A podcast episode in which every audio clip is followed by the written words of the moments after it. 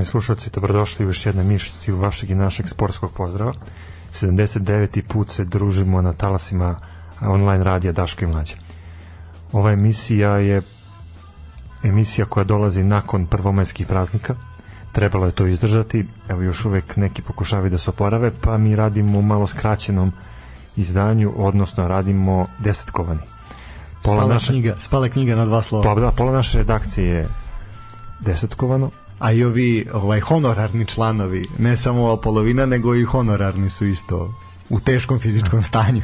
Bitno da mi smo dobri kondiciji, da smo došli k sebi, obzirom da smo pa dosta kilometra prešli i ovaj vikend. Jesmo, jesmo, jesmo. Ovaj, bili smo ovako zaista opet širom, š, diljem naše lepe, ali okupirane države. A, ali dobro, o tome ćemo svakako pričati. Dva kola su odigrana. Uh, e, to je dobro. Da. Ovaj, nismo stigli da iskomentarišemo da, pa, 34. kolo koje je bilo trenutno na, na, na snazi 33. prethodno. Tako je, da, igralo se utorak, sredu, četvrtak, pa se onda u subotu i nedelju ovaj opet igralo. Međutim, Malo su nas danas... poremetili ovi praznični moment. Jesu, mislim da je po meni jako bez veze što se prošli vikend nije igralo, mislim da je to lagano moglo da se odigra Uh, kao što se igrala eto i za ovaj za ove praznike tako je moglo i za one vaskršnje nije možda moralo Hoćeš, u nedelju ponovo kampanju petak i subotu je moglo ne fudbal na veliki petak da. ne fudbal na veliku subotu. u subotu je sve moglo da se odigra al dobro uh, ajde samo sad dok mi pričamo ovaj ja, vidiš na primjer Isus je vaskrso na veliki petak Možda bi mogli naš futbol da vaskrsne. Tako, mislim da nema šanse. mislim da to na kak. nema tog ništa. Čekaj, vaskrsno na, na veliki petak Nije ili... petak pička materna nek na da, nedelju da, da, je. Da, da, jeste, bravo, bravo. bravo moja na petak je razapet. Moje, da, da, znači, na petak je razapet. E, to smo trebali da uradimo. Znači, da razapneš srpski futbal u petak i onda da ga vaskrsneš u nedelju. A Stefane, ajmo ako dok mi pričamo, uh, znači u ovom momentu se upravo završila utakmica između pošto kolo je razvučeno ili na današnji dan kako mi to obožavamo radnim danom. Proletar metalac upravo završeno na Karadžođu 0-0, znači mrtvo žali Bože što je odigrano, a dok mi pričamo Uh, igra se utakmica na Banovom brdu između Čukaričkog i Radničkog iz Niša. Uh, Radničkom gori za bodove za izlazak u Evropu, Čukarički ovim eventualnim porazom bi onda uzdrmao svoje tako ne više tako sigurno treće mesto, tako da ćemo dok budemo pričali o svemu što se dešavalo na ovih 16 prethodnih utakmica i svemu ovom što je ovaj pratilo te sve utakmice oko i na samom terenu, ovaj ćemo bacati bacati oko i na Banovo brdo. E sad, pre nego što počnemo, obično smo se opraštali od legendi na kraju, ali ovaj put ćemo to uraditi pre nego što počnemo da pričamo. Naravno, svi već znate da je juče munjevito odjeknula vest negde u poslepodnevnim časovima da je Ivan Ivica Osim preminuo u 81. godini Uh, ukratko samo, mada svi znamo da je on rođen iz Sarajlija, rodio se 1941. Kako je odrastao na Grbavici i bio sin železničkog radnika, počeo je da trenira futbol u željezničaru i tamo je počeo da igra za prvi tim u sezoni 59-60, a za klub sa Grbavice nastupao punih 11 godina. Za to vreme sakupio 250 zvaničnih nastupa i postigao 75 golova. Ono što je bitno reći da je on 1960 97. godine proglašen za najboljeg igrača u Jugoslaviji, što zaista kad neko dolazi iz uh, kluba van velike četvorke, to onda znači koliko je on bio značajan i odličan igrač. Jel? Uh, 70. odlazi u Francusku gde igra za Strasbourg, Sedan i Valenciennes, osim uh, on je nastupao i za uh, pored francuskih klubova nastupao i za reprezentaciju bivše Jugoslavije, imao je 16 nastupa, postigao je 8 golova, mogao je možda i više, ali u tom jednostavno ovaj velikom da kažemo bazenu ovaj igrača bilo je jako teško izboriti se za veliki broj nastupa. Uh, bio je u reprezentaciji onoj čuvenoj koja je osvojila drugo mesto 1968. godine na evropskom prvenstvu, onom ponovljenom meču jel protiv Italije naša reprezentacija nije imala sreće. Da se okiti zlatom, a igračku karijeru okončao je 1978. nakon čega je počeo vrlo uspešno se baviti trenerskim poslom, sa uspehom je vodio železničar od 78. do 86. bio je selektor Jugoslavije, trener Partizana, Panathinaikosa, Šturma, Jeff Uniteda, da bi posljednji trenerski angažman imao kao selektor Japana. Svi znamo da je Ivica Osim bio selektorove poslednje velike Ovaj, da, na svetskom prvenstvu Italiji 90. Tako je i nakon što je počela agresija na Bosnu i Hercegovinu je u suzama sazvao konferenciju i podneo ostavku kao znak protesta i to se smatralo onako jednim zaista ljudskim ljudskim gestom i pokušavanjem to da je pred odlazak na evropsko prvenstvo 92. je tako? Tako je, da, ovaj na koje zapravo jel nikad nismo ni ni otišli. A Danci otišli mesto nas i uzeli titulu. Da, u suštini što se tiče Ivice Osima, čovek jeste simbol željezničara i već sinoć se pojavila inicijativa da stadion na Grbavici ponese ime najvećeg igrača i trenera u istoriji u istoriji plavog kluba iz Sarajeva.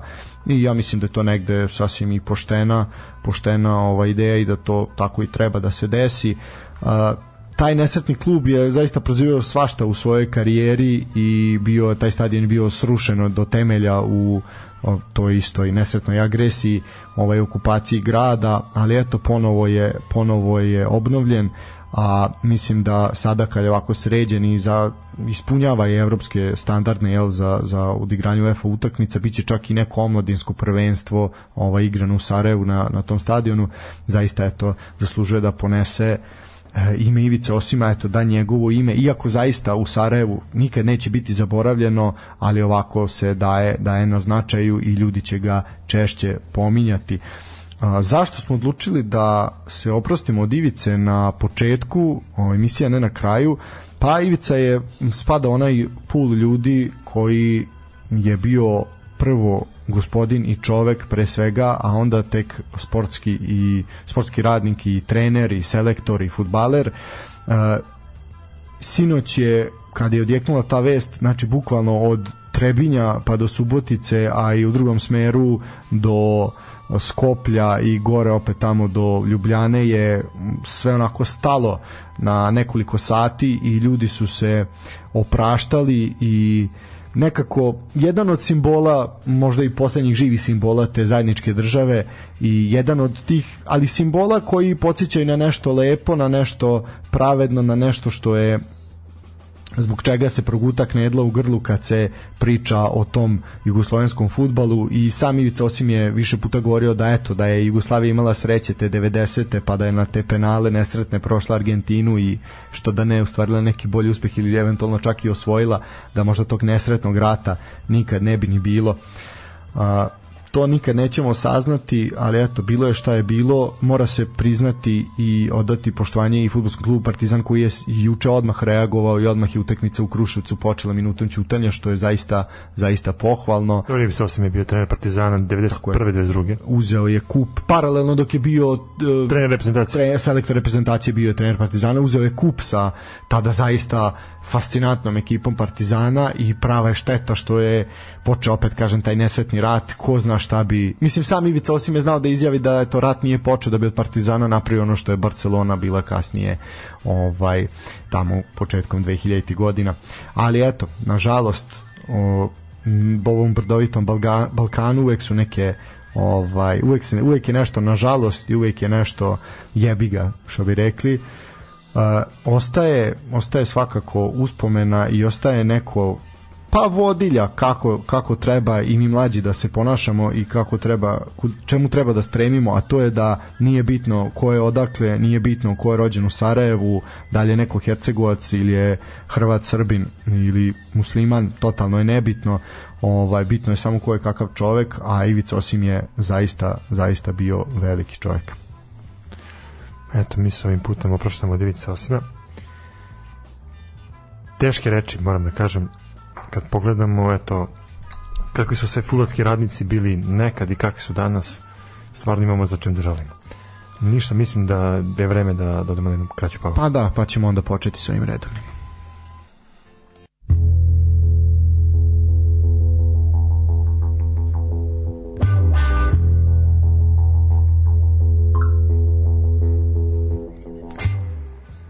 redom. Joj, šta reći sad? Znaš kako, suvo su mi usta. Moram da ti kažem, ovaj, na, obično kad e, završimo taj blok o ljudima koji su nas napustili, a koji su bili istinske legende, teško da se vratiš u emisiju i da kreneš da pričaš o Linglom Superligi, o tome šta se dešava na domaćim futbolskim terenima, baš je teško. Ne dešava se ništa trenutno. Pa dobro, ti, trenutno ti je lakše. ne dešava. Pa ne, ovaj sad neko će se pitati zašto smo pustili ovaj jel da ovo je pesma E, možda mislim, mislim da smo trebali na kraju ipak definitivno da, da Ne, ne, ne, volim što sam te sad bacio malo u depresiju. ovaj, ne, ovaj, definitivno moralo je, moralo je biti omaž prvo, pa se onda, naš, pustili smo pesmu koja je posvećena Asimu Ferhatoviću Hasevu, ali koja je najveća legenda Sarajeva, ovde se nalažemo pored Sušića, ali ovaj, to je to nedelja kad je otišao Švabo, mislim da je to sasvim ovaj, prikladno da tako bude i mislim nema šta, najveći sin naših narodna i narodnosti i tako će biti zanavijek, a mi druže moj idemo, pazi sad nekada je Ivica osim važio za trenera, za gospodina a mi sad idemo Na Lalatoviću. Da, eto vidiš. Ali, aj, mo, u stvari, idemo... Pa idemo na Nenada Lalatovića. Hoćemo odmah idemo, ne... hoćemo Ajde, odmah. odmah, malo se razveselimo. Kad pucamo, pucamo. E, po svim prvo, šalovima. Po, dakle, kad smo kod šavova, Mozart poklanja prsluke koji nosi Nenad Lalatović. Tako da, mislim da treba nešto da se prognozira sad. Nisam se udubljivao. Čekaj, da imaš, znači, imaš Staniju, imaš ovu, kako se zove, uh, Milicu Todorović, jer ona isto propagira Mozart kladionicu. Ne, to je Meridian. Ne, Meridian, nije. Ko, ko propagira Mozart? Ajde. Mozart? Ma ne znam baš ko, ali vidi Lalat je bio u reklami za Meridian. Da, ne, pa zbog toga sam ja to povezao. Da, da. Mislim, ja se ne kladim, pa ono... Nije, mislim da od niko, Mozart se najviše promoviše preko klubova sad, da ne bude, ono, da, koliko negdje i preko ono takmičenja, otvaranja onih terena košarkaških i tako dalje, ali nema ni tako neke, pa ima, kako nema, pa Šerbeđija i, i Biković i Severina, to ti Mozart.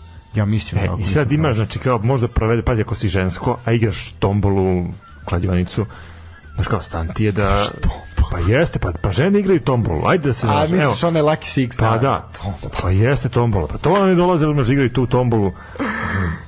Vrtavne broje umesto traže momke, ali dobra i sad... A koga ćeš, šta? E, pa bazi, Sad već traži momak, momak sedi pored, piše tiket. Šta da traži? Daj da traži. U kladionici. I sad. I sad imaš onaš kao mogućnost da eto upoznaš Bikovića, da ti Biković bude u zvezda. pičku, zvezda na jedan dan. prst. I kao imaš drugog Šerbeđu koji je on već u fazi izdisaja. A, raspada se i ona. E, I onda... Dobro imaš Severinu. Je. Severinu za muškarce, a kao pa sad kad mi baciš Severinu s jedne strane i prsluk Nenada Lalatovića sa druge, Prsluk. definitivno prsluk. Razmišljanja, prst. Bez razmišljanja. Još kad ga obučem uveče. A vidi, mora biti Pa kombinacija idem- kao lalat. Znači moraš imati, moraš Trenerka, imati trenerka dole. dole trenerka, gore košulja, ovaj i onda ili džemper, prsluk i marker u ruci i kačket. I to je to. Ti si vidi I onda kad idem ulicom, razumeš, tačno me svi cerk, vide, pa to svi me vide, to je to. Niko ne može da me udari, Murija ne može da me startuje, mislim, Samo- kolega. Da, da, da, da. da. Da, ovaj... Pazi, znači, između Severine i prsluga Nenada Latovića, definitivno prslug Nenada Latovića, bez dileme. Joj, brate moj, dobro, ajde, idemo redom, jebi ga, pošto ima puno mečeva, doći E, ali pazi sad, kad da, imaš ćemo. Nenada Latovića, sad Ne očekuješ može ti niko ništa jače Ne, se sad. očekuješ da staviš neki amblem. E sad, možda staviš ambleme futbolskih klubova koji on trenirao ili amblem futbolskog kluba za koji on privatno navija i koji podržava. A možeš da napraviš i da odeš korak dalje pa da razmišljiš da staviš neku nacionalnu selekciju ili neki nacionalni simbol. E, Vidi. a da Ovaj, piše na, na, slušaj, a da piše na prsluku Made in Turki. Ne, treba napred da piše, ono, znaš ko, ko što imaju inicijali trenera, ono, NL da piše. To je Nederland. to, je dobro. Ajmo ovako, znači... E, Turki. Made in Turki. Ajmo, znači, play, idemo, uh, obradit ćemo prvo sve utakmice play-outa, Ne, pa sve hoću, utakmice play-offa. hoću da idemo na Nenada Latovića direkt, Pa ići, odmah. ići ćemo, tu je, tu je. Pa zapravo idemo u utakmici koja je zakuvala sve to. Jer sad šta se tu dešavalo? To sranje je nastalo zapravo na utakmici između Kolubara i Novog Pazara.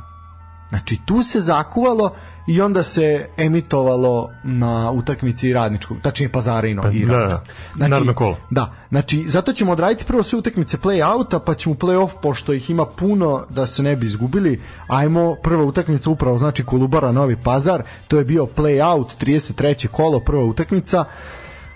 Uh, utakmica je završena rezultatom 3-1. a Ono što je bitno reći da je bez nekoliko Odnosno standardnih- 1-3. 1-3, da. Ovaj, a 3-1 za Pazar. Ovaj, I bez nekoliko standardnih igrača, Novi Pazar je savladao Kolubaru ovaj, u sred Lazarevca. Uh, ono što je, eto, zaista je Laz, Kolubara delovala po, poprilično raštimovano i tako da taj neki končan ishod i nije neko veliko iznenađenje ovaj, nakon 25. minuta je već stajalo 3-0 ovaj, zaista onako jedan blitzkrieg Novog pazara gde je prvo Dimić u prvom pa Jokić u 23. i Ratković u 26.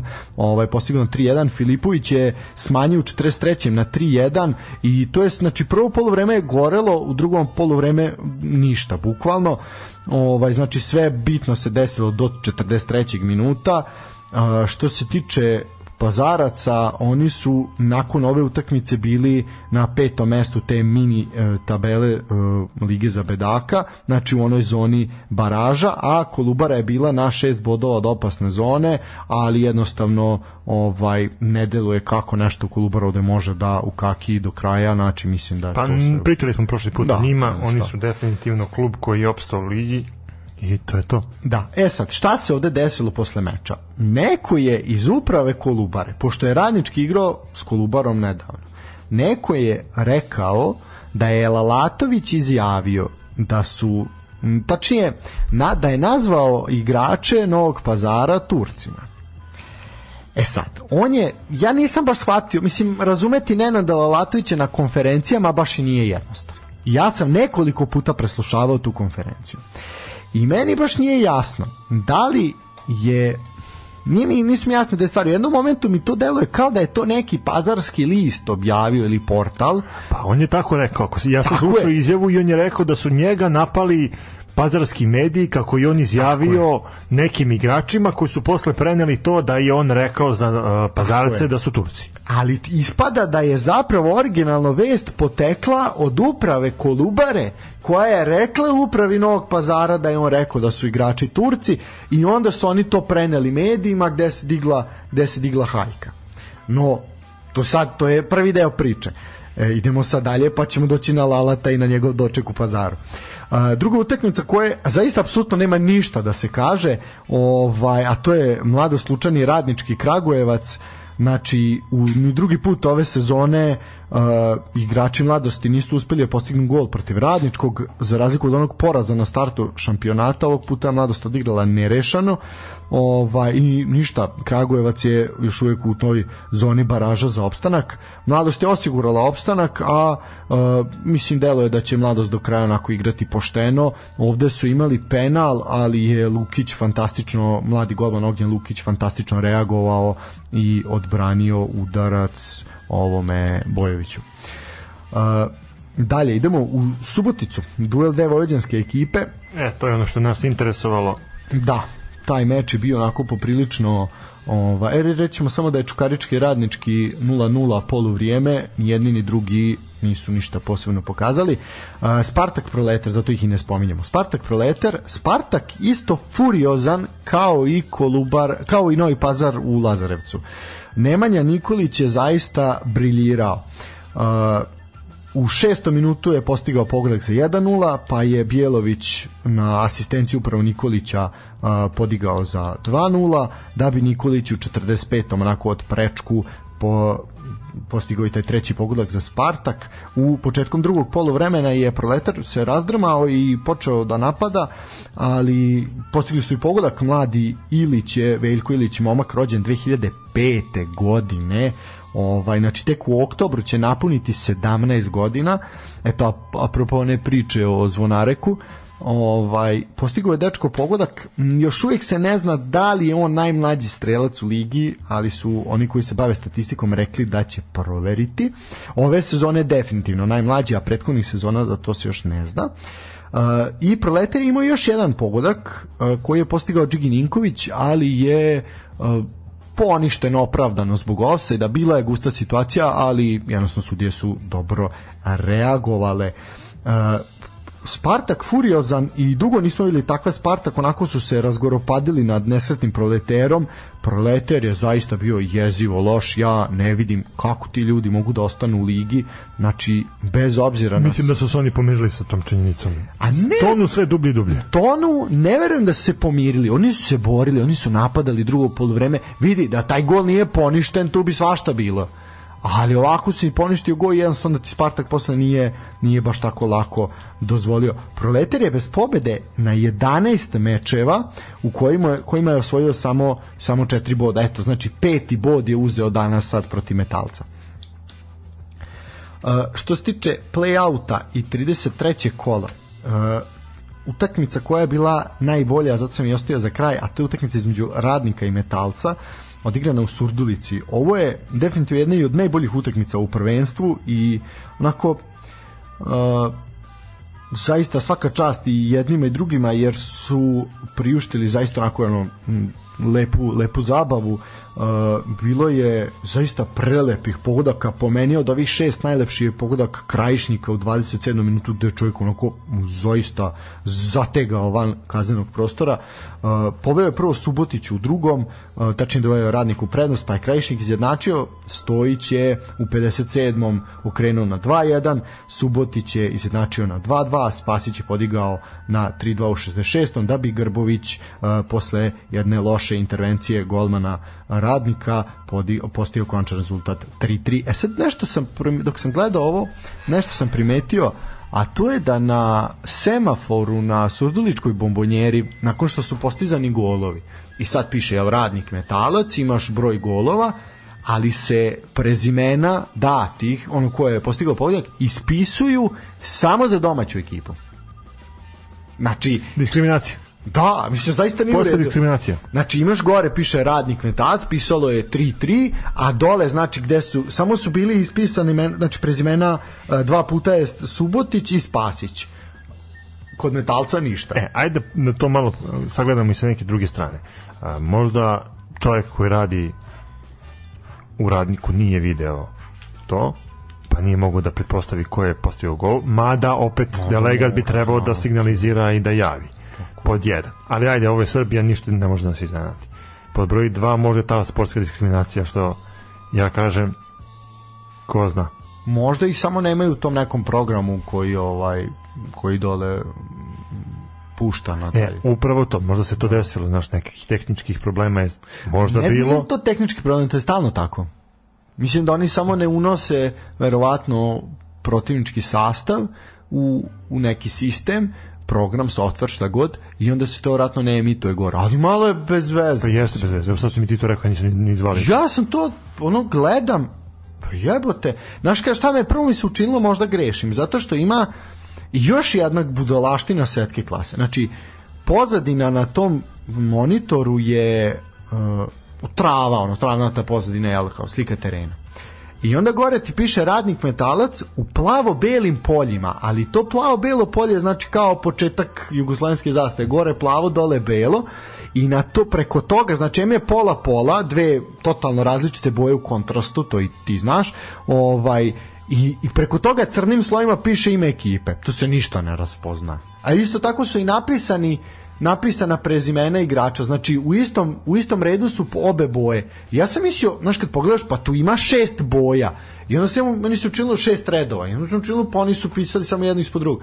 Međutim, kad su uvećali, video sam da je plavo-belo polje jedno za prezime. Tako da je jako nepregledno. I to mi je nevjerojatno bez veze. Eto, to sam onako zametio na, ovaj utak, na ovoj utakmici, pa sad eto, možda neko sluša pa će to nešto uraditi povodom toga, a možda ih zabole baš ali o tome potom to ćemo vidjeti. Uh, može 34. kolo play-offa se otvori. E, idemo 34. kolo play-offa. Kulubara Mladost. Opet idemo na Kulubaru. Opet Lazarevac. Kulubara je eto drugi put ove sezone slavila rezultatom 3-0 dok je za mladost ovo poslovnog poraza od Zvezde od 5-1 najubedljiviji poraz u tekućem delu prvenstva. E, što se tiče Kolubare, oni su ovim ovom pobedom i mislim matematički obezbedili e, opstanak u Superligi, dok je ekipa iz Lučana sad već u malom problemu, iako ima četiri boda više od prvog tima ispod crte. Dobra stvar je za mlado što uh, dve od preostale tri utakmice igra na svom terenu. Što se tiče pogodaka, Kočević je u 20. minutu doveo Kolubaru prednost, Stojanović u 34. podigao na 2-0 i Uroš Đuranović je u 52.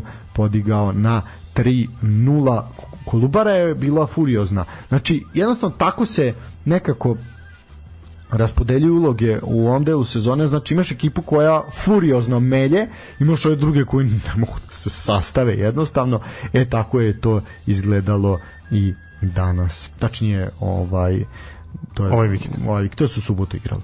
Ovaj što se tiče na e sad sad idemo Lalatu Novom e, Pazaru. Ovo sad moramo da radimo onako pompezno.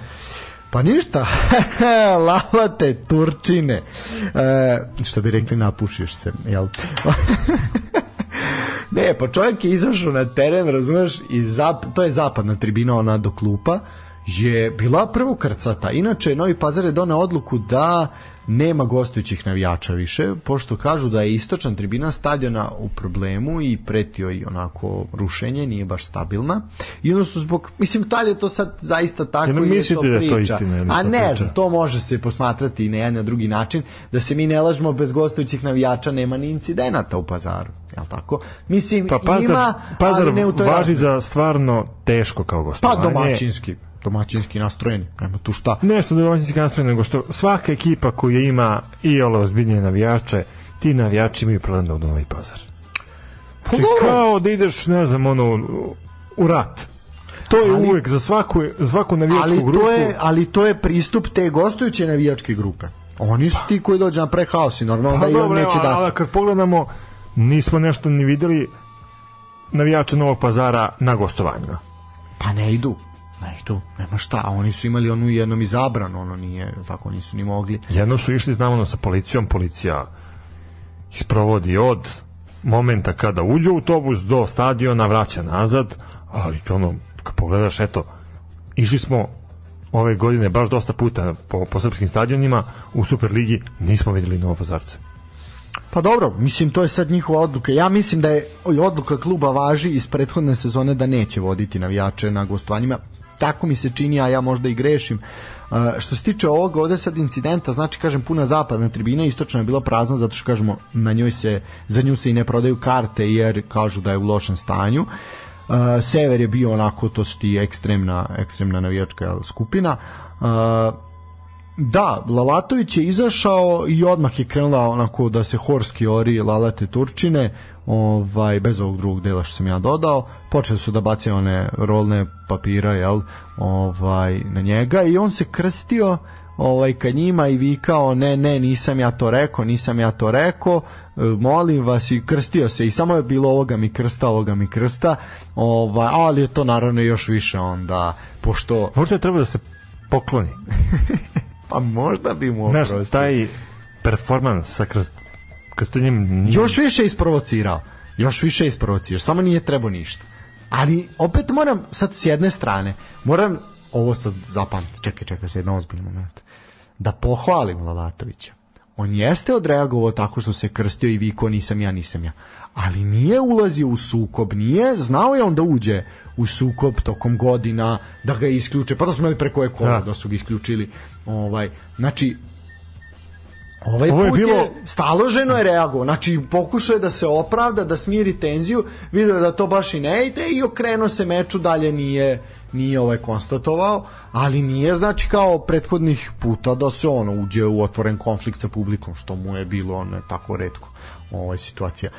Uh, što se tiče same utakmice, Voju Biparip Eto, Voju Biparipa ovaj, na listi strelaca posle dugo vremena, ovaj, legenda ovih naših travnatih livada, uh, doveo je radnički u prednost ovaj, u 28. minutu, međutim, posle preokreta i zaista mnogo bolje igre u drugom delu, Novi Pazar je savladao radnički i došao u znatno bolju situaciju u borbi za opstanak uoči posljednja tri kola, Ovaj Kragujevčani su zaista u prvom delu meča delovali zaista sjajno i prava je šteta, bilo je to još šanse što nisu možda uvećali svoj golgeterski saldo. Ovaj i svakako jedno od najkvalitetnijih poluvremena radničkog u od kako je Lalatović uh, došao. Šta se desilo u nastavku meča?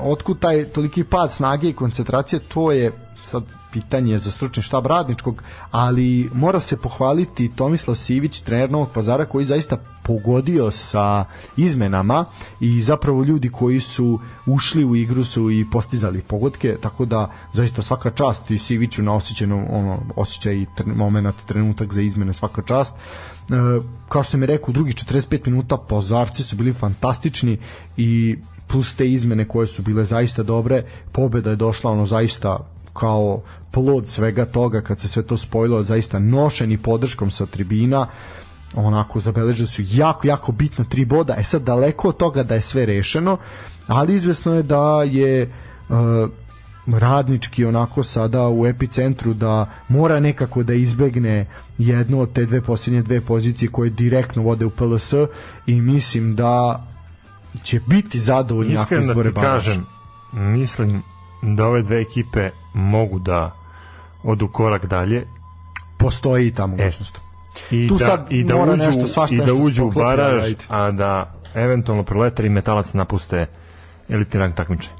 Ali da vidit ćemo, ima još dosta sira. Pa vidi, proletar i metalac definitivno mislim da idu svakako, ali to ćemo pričati budemo analizirali tabelu, ali mislim čak da jedna od ove dve ekipe može da izbegne baraž u smislu da budu ispod crte, a da, na primjer, Spartak sklizne dole ili eventualno ne verujem da će Spartak da sklizne ali pa vidi u baraž nije uopšte isključeno ali ajde.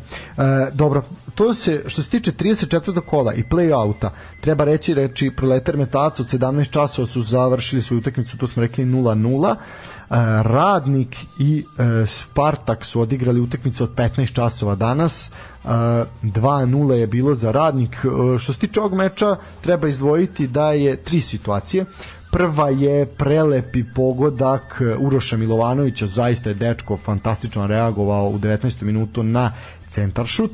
Onda u drugom poluvremenu smo imali poništen pogodak Spasića uh, iz uh, ekipe radnika gde su se izvlačile ne dve, nego četiri linije četiri linije var izvlačio. E, zato što je situa... Prvo, ugao kamere, znamo da u Surdulici je jako čudan zbog gra... kako je građen, jel, arhitekt, same arhitekture stadiona.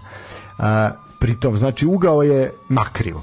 I ti, a bilo je zaista u santimetrima razlika i ti ne možeš, sam komentator je bio pošten i rekao ovo zaista svaka čast sudija ako bude mogao da proceni kako treba jer je ne vidi se i ne samo što su izvukli dve linije ovaj znači od jednu za najbližu tačku ka golu od igrača Surdulice i igrača ovoga Spartaka nego su povlačili i paralelne linije sa, znači u odnosu na out liniju terena da bi se videlo koji je bio bliži. Znači kad su se te četiri linije ukrstile, onda se onda je jasno bilo da je uh, Spasić ipak bio u nedozvoljenoj nedozvoljenoj poziciji. I dugo se proveravao VAR, ali zaista na kraju može se reći teška, ali ispravna odluka.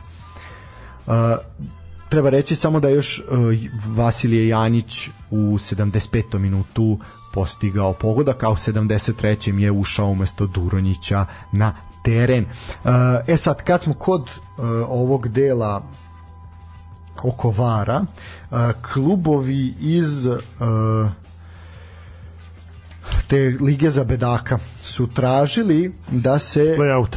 pa da ovaj pa popularna liga za bedaka ovaj da se uh, u tom doigravanju i baražu pošto se prvo pojavila informacija da neće biti korišten VAR onda su ipak uh, potpisali peticiju da se koristi VAR jer ipak ono kao boje se da bi u tom nekom sistemu onda moglo doći do nekih malverzacija i nekih režiranja utakmica. U suštini jako je to opširno opširno svo to, svo to saopštenje, ali ukratko samo znači reci svih osam klubova uh, je te play-out zone su izrazili zabrinutost da uh, se Baraž Duel igraju bez VAR sistema i zapeluju na vreme, su počeli da apeluju na nadležne organe da se stvore uslovi za obezbeđivanje VAR sistema na onim stadionima kojima pomenuta tehnologija ne postoji. Tu se konkretno, jel, naravno misli na klubove iz prve ligi Srbije koji će igrati baraž za ulazak u Super ligu. Ukratko, znači klubovi Super lige traže da sve bude po propisima. Eto, verovatno, vidjet ćemo, ja mislim da će ovi to ispoštovati zašto ne. Uh, hoćeš da odradimo tabelu pa da pustimo pjesmicu? Može, može.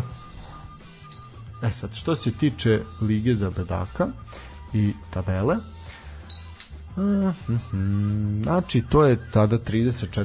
kolo završeno, a tabela izgleda ovako. Kolubara je deveta, odnosno prva sa 43 boda, Radnik je drugi sa 42, Mladost je treća sa 39, Spartak je četvrti sa 38 i Spartak je prvi tim koji se nalazi iznad crte.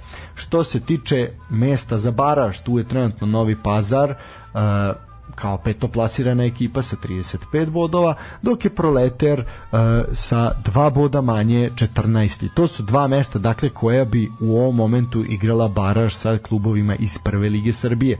Što se tiče klubova koji bi u ovom momentu da se podvuče crta ipak otišli direktno u prvu ligu, tu je uh, kao na sedmoj poziciji uh, radnički iz Kragujevca sa 32 boda i Metalac iz Gornjeg Milanovca koji je Fenjeraš sa 30 bodova. E sada, uh, Radnički iz Kragujevca ima duele sa Spartakom, ima duele sa Metalcom, ima duele sa Proleterom. Tako da tu će biti onako tuča poprilična. Novi Pazar isto ima ovaj duele protiv direktnih konkurenata. Tako da tu će zaista onako u naredna dva kola, a vrlo moguće čak i u poslednjem kolu da se odlučuje. Evo, da se igra do kraja. Mislim da će Do biti kraja. gusto. S tim pazi, u sledećem kolu Pazar ide u Milanovac, pa imaju kup, pa onda im dolazi radnik iz Surdulice. Ali koji pa za primjer, radnički iz Kragovica igra protiv proletera. Tako je, i Novi Pazar igra protiv proletera, znači oni svi još uvijek igraju svi međusobno. I igraju protiv metalca, ali i ovi isto igraju, tako da Biće tu, mislim, biće poprilična borba. Biće borba, bato moj, to će biti... Evo ti po, poslednja utakmica u tom play outu Proletar Novi Pazar ako pričamo Tako o pazarcima da, da, da. i ako pričamo o metalcu i radničkom, eto, radnički metalac u Kragovicu. Pa da, znači, direkt. pa vidi, stvorio se, stvorio se taj znači krug. E sad ono što ja vidim kao potencijalnu minu za Spartak je utakmica upravo sa, sa radničkim, jer ako Novi Pazar dobije u sledećem kolu, a Spartak izgubi, onda se nalaze na istom broju bodova. Znači bitno je za sad Spartak da uzme da uzme negde bod. Znači mora se podhitno uzeti neki bod jer eto vas ispadošte u imate sledeću utakmicu s Kolubarom. Kolubara igra čas ovako, čas onako. Znači ako Spartak ne pobedi Kolubaru, eto problema protiv Kragujevca. Znači vrlo lako tu Spartak može Ne da znam, me, meni se ovo zakuvava i ovo će biti poprilično interesantno ozbiljno, ispratiti ozbiljno. do samog kraja. Uh, u suštini što se tiče play-outa, druže moj, ja mislim da je to to. Treba ti još jedan skript, a? Da, ne, razmahao sam se. Ne, kad si krenuo sa utakmicama, ja sam se izgubio, moram da ti kažem. Pa ne, vidi, ubilo nas je što smo... 33. 34. kolo, koju utakmicu A analiziramo? zamisli da nismo, da nismo sad, na primjer, odradili samo plengu da smo jedno po drugo. Zato mislim da je ovako bilo lakše i za one koji slušaju, a i za nas, da se ovo sve isprati, jer se, mislim, dešavalo svašta. Ovaj, ok, znači, u suštini, play out je Apsolviran. no, apsolviran, mislim da možemo da ga propitujemo, da smo sve rekli što treba, koji svaki put ja tebi predlažem ne jednu, nego dve pesme. Mislim da si zaslužio. A onda- dva, ko, dva kola play auto Dve se pesme, odradio, jebi pusti ga. dve pesme. Da, pa ćemo ići na, na ligu za prvaka. evo. Može. A, pošto je bio 1. maj, ovaj, još uvek taj praznik se praznuje, vidim da će ga neki izgleda praznovati tri dana kako to u Srba ide, a, pa ja bih pustio onda pesmu koja ide uz tu prazničnu atmosferu.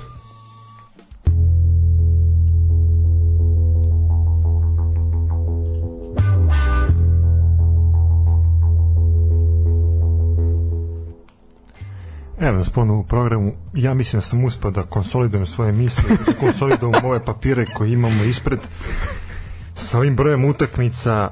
Mislim, ne znam šta da kažem. Stvarno, A vidi! stvarno sam se zbunio u jednom momentu da nisam mogao da te pratim. Ti mi pričaš jedno, ja gledam raspored E, e, drugo, ali treće. pritom Sad- se zakuvalo, gde se zakuvalo, šta se dešava? A onda trenutno? pređeš na, na, na ono što se dešava trenutno. Ja sam se skroz pogubio. Moram da kažem da stvarno iz, Ali zna- izgubio, izgubio sam konce kao sudija da, na terenu. Tako je, ali dečko, izgubio si se zato što ti misli nisu na mestu, pratiš IMT i Javor. Šta se dešava tamo? U, mogu da ti kažem, kuva se. E, evo ga, još jedan gol. Koji je rezultat? Trenutno je rezultat u utakmici između Javora i 2:4. Inteja 2-4. Pa to je to, kakvo ludilo se sprema u prvoj ligi Srbije. Mladost je danas dobila Loznicu na gostovanju 2-0 i to me poprilično raduje i veoma sam zadovoljan tim rezultatom. Da, Indija isto dobila Žarkovo. Indija dobila Žarkovo onako manje više mislim sve igre sve i dalje u igri ali nekako mi se čini da Po vidi, da mladost polako korača ka, ka Superligi i miriše na titulu, što bi rekli. i da ćemo, miriše na se ne zalećemo Nećemo, nećemo, nećemo. Znaš kako, kad je krenulo loženje oko mladosti na, na polusezoni, dovođenje igrača, a, ljudi su počeli da pričaju o tome, a, stadion mladosti je poprilično popunjen, odnosno cela ta tribina je puna Hiljadi i po ljudi bato bilo sad. Hiljadi i po protiv ljudi. Javora. Eto, mi smo stigli da odgledamo zadnjih možda 30 minuta i mogu da ti kažem da je baš bila puna tribina ta jedna jedina koja je trenutno u, u funkciji koja postoji. Pa mislim da su ljudi prepoznali da je to ispravna priča i jednostavno ljudi su i željni nečeg novog, nečeg što nije uprljano, ovaj što nema putera na glavi ili katrana u našem slučaju, tako da nek, sve to, sve to super, biće super ako mladost uspe da se okiti ovaj titulom prvaka u prvoj ligi Srbije. No, Za sad miriše lepo. Miriše, miriše u vazduhu, a nije roštilj sa Fruške gore. E, dobro. E, Druže sad idemo ovako. Probat ćemo koncizno da objasnimo play off. Idemo 34. vidi. kolo. Veliko je... Odnosno 33.. 33. 33.. Vrlo je pitanje je veliko. Gde je komplikovanija situacija? Da li u play-outu ili u play-offu? Ja mislim da je play out mnogo teži za, za analizu. Evo ja ti kažem iskreno, znači Teži za objasniti, da. za objasniti je poprilično teško zato što dosta stvari se a, menja, a, dosta klubova je uključeno. Ovde je manje više sve Pa, jasno. Osim Imate klub koji je ušao u play-off onako rekreativno. Pa rekreativno, da. ziheraški. Pa to je napravljeno. Sram ih bilo zbog toga. Sramota Imate klub, ih bude. odnosno imate dva kluba, jedan koji kao juri neku titulu, a ovaj drugi koji je već osvojio titulu. Da, da, da, dobro, da. Dobro si joj rekao kao Juri titulu. Pa kao juri titulu. I imaš realno četiri ekipe koji se tuku za Evropu. Upravo to. I samo pratimo te četiri ekipe. Kad smo kod toga, mi smo ispratili te četiri ekipe i baš smo se potrudili da budemo na licu mesta kada su ove utakmice u pitanju. A, ništa, krećemo sa onom utakmicom koja je nama bila možda i iznenađenje. Očekivali smo tvrđu utakmicu, očekivali smo mnogo bolju, ali eto, na kraju dobili smo onako, šta znam, siro materijal. Sve u svemu idemo uh, utakmice između radničkog iz uh, Niša i Vojvodine. Joj, šta ovde da kažem, sunce ti poljubim. U suštini, ovo... 1-0 za radnički. 1-0 Mićibuć je bio strelac u 49. minutu. Mićko. Mićko je dao gol, ali je Vojvodina sama sebe zaklala. Znači, otprilike kao i pre mesec i po dana radnički minimalnim rezultatom na Čairu dobija Vojvodinu. Ovim triumfom uh, su se u tom momentu uh, momci iz radničkog našli na četvrtom mestu Evo, kraj, kraj u Ivanjici 4-2 za IMT, dobro, pričat ćemo o prvoj ligi kasnije. E, dok mi pričamo na terenu na Banom brdu se ne dešava apsolutno ništa, znači 0-0 i dalje je, no o tom potom. E, što se tiče e, ovog u tom momentu 33. kola, znači tada je Radnički prešao na četvrtu poziciju, a Vojvodina se ovim porazom i definitivno oprostila od bilo kakve priče o Evropi koja je to negde tinjala kao neki san san ovaj u dalekim ono Ali ajde da budemo realni. Pa dobro, oni su se niko nije- matematički nadali, ali to niko nije očekivao Vojvodine da Šta Vojvodina sam ti ja rekao da- prošli put? Matematika je šarena laža. Znači, matematički mi možemo na RTS, realno ne možemo. No, ovaj, tako da, ono, ajde, makar dok Strajnića ne sklone, a o tom potom ćemo vidjeti. No, e, to je što se tiče Rajničkog i, i Vojvodine, mislim, aj budemo iskreni. Sa onakvim terenom, radnički iz Niša ne zaslužuje da igra Evropu. Kraj. Ali da uzmemo razmatranje i drugu stvar. Ajde. Možda taj uspeh i to eventualno četvrto mesto može da utiče na rekonstrukciju stadiona. Ma daj, nemoj se zajebavati. Samo kažem. Super. Ma nema, pa ne bi da uđe u ligu šampiona, toliko im para treba da rekonstruiše stadion, a ne kakav bre beš. Ovaj, no dobro, ajmo na... Znaš, ja kao gledam, ajde da budem malo optimističan. Znamo i ti i ja kakva je realna situacija. Opet mi se hemijska raspala. Daj mi nešto da mogu da pišem. Jebi. Evo ti marker Lalatovića. Daj mi lalata, to vidi kakav je. A, ovaj debel, čekaj da šnjofne malo. U Nemoj jebote. to da mu užas- užasno nervira kada kada se neke stvari šmrču, srču i tako to. A problem je kad se šmrče. A Zato si dobio Lalatov marker. Dobro, ajmo na Partizan TSC. E, Partizan TST E, smo ajde. gledali i ti i ja. E, sad, radnički se igrao, radnička vodinja se igrala utorak negde oko pola sedam, sedam, ako se ne varam. Tako nešto je. Ujebotal me glava zaboleo do markera. Partizan TSC u sredu u dva sata. Pa, u 14 časova. 14 Dobro, vam dobro. bogova jebem, pa nemoj dalje. tako, nemoj tako, nemoj. Znači, ja ti ne dozvoljavam da psuješ. Taj termin je odredila Arena Sport i mi poštujemo taj termin, pojavili smo se Pa mi smo bili na tamo, stadionu, pa nije sport. odgledali utakmicu, jeste da nam je prvo polovreme bilo problematično, što zbog sunca, niko nije očekivao da će taj, taj dan biti toplo. Znači, vidi, ja sam izgoreo. Znači, imamo onu radničku euro krem boju naš do pola. taksisti. Kao, da, kao taksisti, da, da. Znaš, ova ruka uvek više koja je bliže, bliže ovaj... Još, staklu. ti- još ti imaš sat i nosiš sat, to je to. Vidi, što ti pokažem ožiljak. Znači sad ja trenutno skidam sat, ono to pe... vidi pelo je čovječ. Strašno. E, da, e, 14 časova i bitno je napomenuti da ovu utakmicu nisu pratile najvernije pristalice sa južne tribine, jer su oni odlučili da bojkotuju jedni u nizu samo navijačkih grupa koje su odlučile da bojkotuju te termine i da eto kao pokažu u Reni ovo nije dobro, ovo nije u redu, a Arenu zaboga. Dobro, ajde da pogledamo, na drugoj strani su se pojavili navijači TSC-a, svih bilo ih je da. koliko? Petorica. Tako. Mislim, ono, a dobro, ljudi su imali organizovano plaćenu dnevnicu, svaka čast sendvič. pojavili su Pa dobro, bili su tu. Kad pogledamo Pojavili ukupno, smo se i mi na isto. tako, kad pogledamo ukupno, šta misliš koliko je bilo ljudi na stadionu tog dana? Ja mislim da nije bilo Oni kažu hiljadu i nešto ljudi, a do nema šanse. Ja mislim da je bilo negde oko 700. Do hiljadu maksimalno, sa maksimalno, sve redarima. Znači, i psima i policijom. I, mislim, psima i jednim i drugim u plavoj ima uniformi, a dobro, nije bitno. Ovaj, u suštini do hiljadu ljudi, ja mislim da nije bilo više sigurno. Dobro. E, E, sad, sad ljudi kad- krive radni dan. Znači, to je ono što je radni dan 14 časova. U isto vreme igra mladost, hiljadu i po ljudi. Mladost. Dobro, mladost igrala utakmicu u četiri. A isto je radni dan. Još u Novom Sadu padala kiša, u Beogradu je bilo prelepo vreme. Znači, ipak nije tako, aj sada se ne lažemo. Možemo, izvučena je prosek, ovo je odlično priča sad o, o publici, Uh, izvučen je prosek u poslednjoj deceniji i ovo je najmanja podrška od 2012. godine. Znači 2012. godine imate, pazi sad kako tendencija pada. 7600, 6000, 5800, 2015. 16. 4700, pa godine kad je osvojena titula 16. 17. 6000, 2017 18 3200 pa 4500 pa 4800 da bi onda igrala se ova sezona bez publike Ta je i bila onda, najbolja sezona, ja je sezonu bilo- obožavam. tu obožavam, to je bilo najlepše. Ovaj, i onda ove sezone je prosek 2600 uh, gledalaca ali morate uh, uzeti u obzir evropske utakmice uh, derbi, sve to što je punilo punilo stadion. Znači u suštini imali ste nekoliko puta pun stadion, ali ste mnogo više puta imali prazan. I šta ti misliš, druže moj, šta je razlog? Evo ovako, ajde uzmemo sad stvarno to razmatranje kad smo spomenuli Partizan i ove brojke koje si ti pročitao i ove sezone koje idu tako hronološki. Partizan je ove sezone veći deo prvenstva bio na prvom mestu i na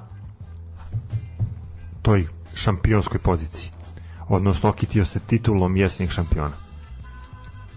I opet imaš rekord I opet manju. imaš mali broj ljudi koji dolaze na stadion.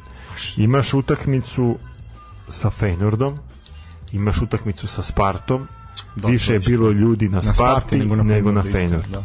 Imaš utakmicu sa Florom, sa Anartozisom i imaš utakmicu sa Gentom. Najviše ljudi je bilo, ja mislim, na Gentu. Na Gentu. Da. Ali opet je nigde... Ma dobro, ajde sad imao si utakmice i sa Santa Clarom i sa Sočijem, pa su... I opet je više ljudi bilo protiv Sočija, a manje protiv Santa Clara. Istina, ali da ti ja nešto kaže protiv Santa Clare su i bezobrazno cene bile Dobro, skupe dobro. 2500 Dobro, dinara. Ok, mislim, tu se slažem sa tobom. Mislim I Crvena zvezda i Partizan su da prećerali, Mislim da je Partizan i marketing futbolskog kluba Partizan loše odradio sve to. Apsolutno. Odnosno, te cene su za prosečnu utakmicu Ma, previše. baš skupe. Ispostavilo se da je utakmica sa Santa Clarom i utakmica u grupnoj fazi da je ista cena, što ne može biti. Znači da ste negde preterali. Ali no dobro. E, Meni to deluje kao da se klub uplašio da će ispasti od Santa Clare pa daj da zaradimo. A ne znam šta. Jer Znaš kao, gledam sad ove brojke i nekako, ne znam šta da kažem. Znaš, ono, žalosno je to. Navijači Partizana su navijači koje krasi neka vernost, lojalnost koji su tu uz klub i kada je teško. Pa jeste Stefane, ali to je hiljadu i po do dve ljudi. Pa dobro, a Ti kažem, ljudi su tu bila sreda, subota, nedelja, bilo se igralo u 2 ili u 9 uveče, bilo minus 20, pljuštala kiša ili pržilo sunce. I ti ljudi će uvek doći i to se zna koji su ljudi. Tako da, ne znam, kao sad, me- meni je stvarno sramota. Znaš, ti si bio veći šta? deo prvenstva na prvoj poziciji. Partizan je napravio iskorak u tom evropskom takmičenju, kakav god da se zove. I na kraju dođeš do toga da tebi prosečna ono, popunjenost na stadionu prelazi 2500. Stadion koji prima koliko 32.710 koliko je da. ali čekaj sad. S druge strane, imaš crvenu zvezdu, E to to mi još još, još gore. Aj to objasni. Dve i po hiljade ljudi Crna zvezda Čukarički. To je najmanja ubedljivo poseta na Rajku Mitić ove sezone. Znači, Pritom klub igrao po meni možda čak i nikad bolju evropsku sezonu.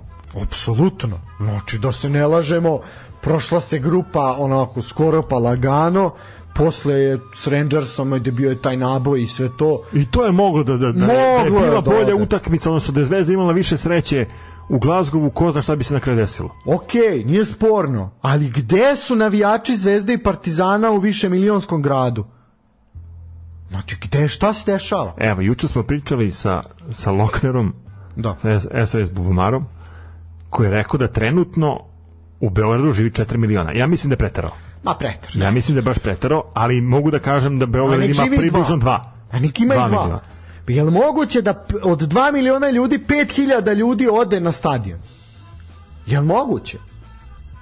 Moguće, to vidiš da je moguće. Mislim, aj sad da se ne I- i naljute. da uzmemo, da uzmemo u razmatranje jednu jako bitnu stvar. Da se te brojke malo napumpaju. Evo kaže stigla je poruka, živi 4 miliona sa okolnim opštinama. Ok, nek živi 4 miliona. Znači, ali napumpaju se brojke sigurno, to da se ne lažemo. Ovaj, I ako izuzmeš te sad lokalce, ali od 4 miliona ljudi, ma nek je 5000 otišlo na lokalne terene koje kakve, sve ukupno. A nije, od 5 do 10. Opet, di je 3 miliona ljudi? Di, je, di su ti ljudi? Tim ljudima ne odgovara e, Lepo vreme. Lep ne odgovara, Da, subota ne odgovara, nelja ne odgovara. Pa za besplatan ulaz se i pojave, što je najcrnije. Da se mi ne lažemo, sramota je da karta za utakmicu koja se igra radnim danom od 14 časa košta 800 dinara. Stigla poruka spojili praznike, pa ali i kad nisu praznici njih nema. Znači i kad nema praznika tu je. Znači samo kad je džabe ulaz. Jer sećamo se I kad, su, početak I kad su velike utakmice. Pa, na, ali to je ona, to je ta priča beogradske publike. Mi oni ne re, Ne, imamo tu priču da, da ponekad se čini da isto i sa reprezentacijom. A ljudi moram da da, sa- gleda protivnika, ne, tako ne je, svoj tako pa je. da. Moram da ubacim tu reprezentaciju gde smo imali situaciju kad su igrali protiv Portugala da je pola stadiona došlo da vidi Cristiano Ronalda, a ne da podrži našu reprezentaciju. Pa tako je, pa E, vidi, to ti to, je ist, to. ista Ljudi zbog razumiješ? Znači dođu zbog protivnika, dođu zato što je to sad kao hit, jer znaš, svi sad idu na Serbian Open.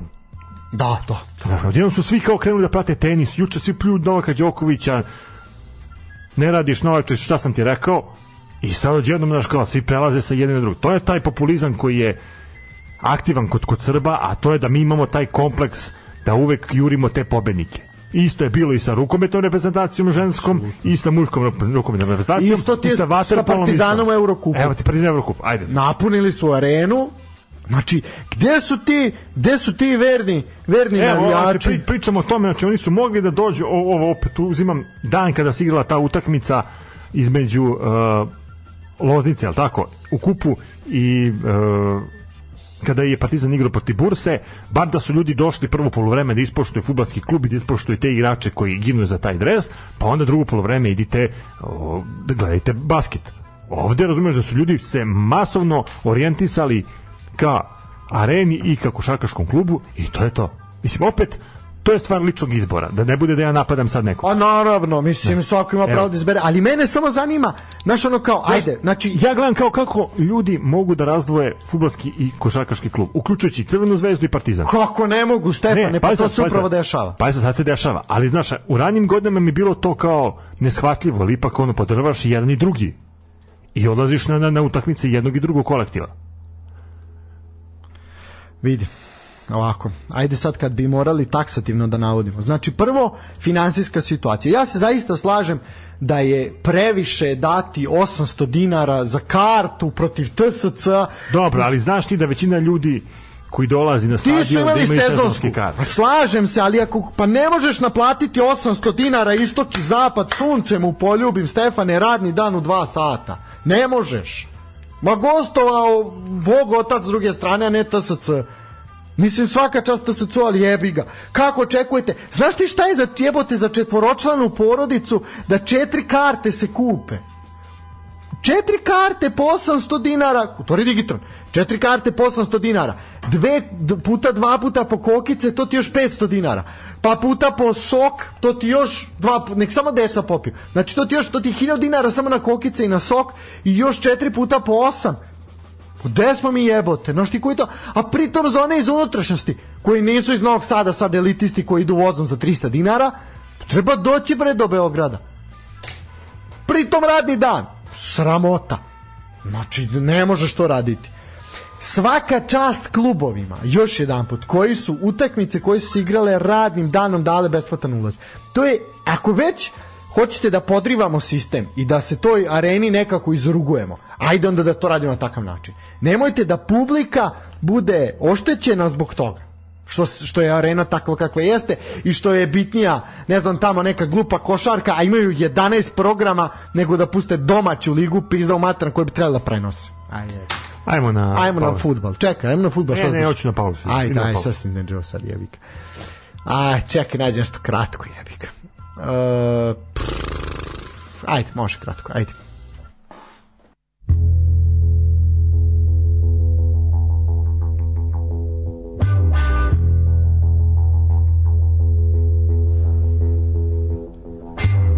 Malo smo se smirili, morali smo jednostavno.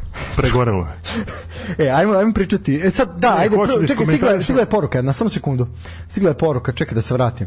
Kaže ovako, zato dođite na krov za 200 dinara, četiri, četiri o bože, četiri člana dođu na krov po ceni jedne karte za Partizan istog dana uz besplatan parking. A?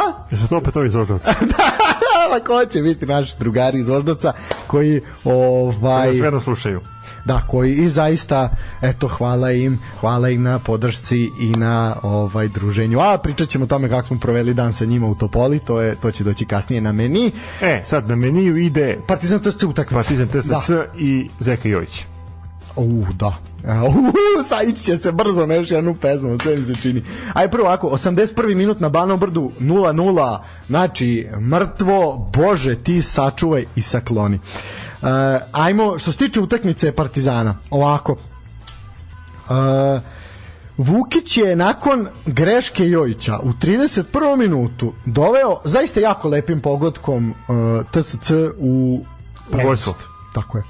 Uh, TSC poveo 1-0 salva uvreda znači toliko malo ljudi a da su toliko grmeli i da su toliko psovali najstrašnije psovke. Ja sam ostao začuđen i naš drugar Živan, koji ovoga puta pun, uh, ovim putem puno pozdravljamo, znamo da sluša, ovaj je samo okrenuo se i rekao: "E, moji sinovi, niste vi bili tu kad je bila art medija i onda je po, i ostali jel kad je krenuo te bolne tačke Rekao sam ti dve stvari znači ne spominješ pesmu od kuda idiota za tebe i ne, spominješ art mediju.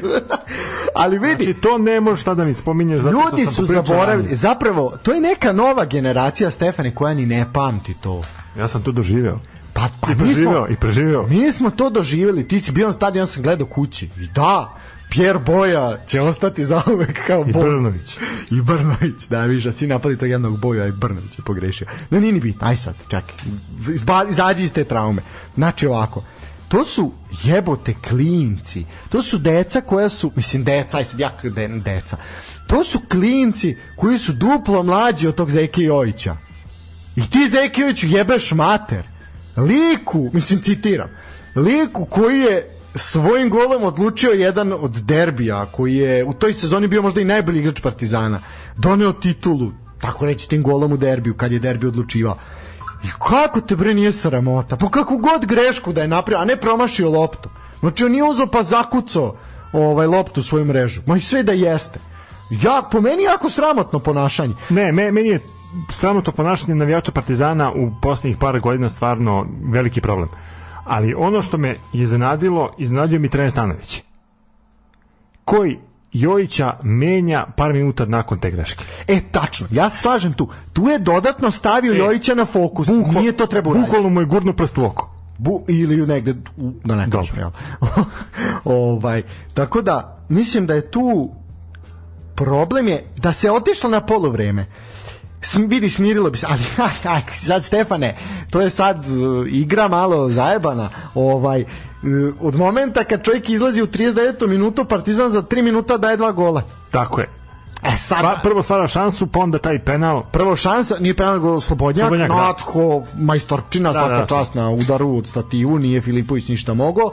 Ovaj, I onda je Ricardo u 42. na 2-1 i tu se otišlo na poluvreme. vreme mislim da i taj momenat isto moram da iskomentarišem. Momenat kada Natko postiže gol i kada ide kod Jovića da se grle svi zajedno sa Jovićem.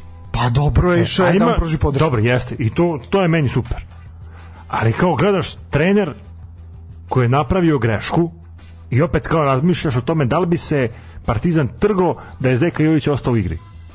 Pa pitanje je. To je, to je sad veliko pitanje. Ali to je ta kocka razumeš? Ali po meni po meni je Stanojević da se mi opet kažem ne zezamo Partizan titul uzeti neće. neće. I mislim da je po, po meni ja bih pre sačuvao svog igrača tako nečega time što ga ne bih još davio stavio dodatno u fokus navijačima koji su besni nego ga ostavio tu gde jeste uh, pritom čemu promena Igora Vujčića to mi tek nije jasno mislim nije čovjek kriv Mislim, ubacio je Saničanina, ubacio je ovoga, kako se zove, e, jebi ga sad, ko je ušao umesto, ne mogu se setiti, mozak mi je stao. Jović je. Jović je ušao posle. Da. Jović je ušao posle. Nije ni bitno. Ne mogu sad, aj nije ni bitno.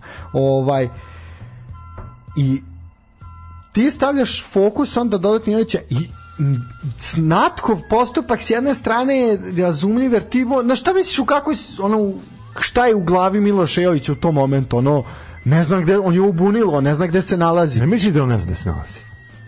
Ja mislim posle u onom momentu nije znao gde se nalazi. Jer je način na koji je promašio loptu, pa naredna greška kad su krenuli, znači on je zaredo dve, tri greške koji su zaista... Meni je bio na, najinteresantniji moment trenutak kada TSC postiže gol i kada sudija stavlja loptu na, na centar i u tom momentu kreću uvrede i sudija neće da dune u pištaljku da počne igra nego svi gledaju šta se dešava. Znači, niko nije očekivao toliki broj komentara upućenih Miloševiću. Ušao je Lazar Marković.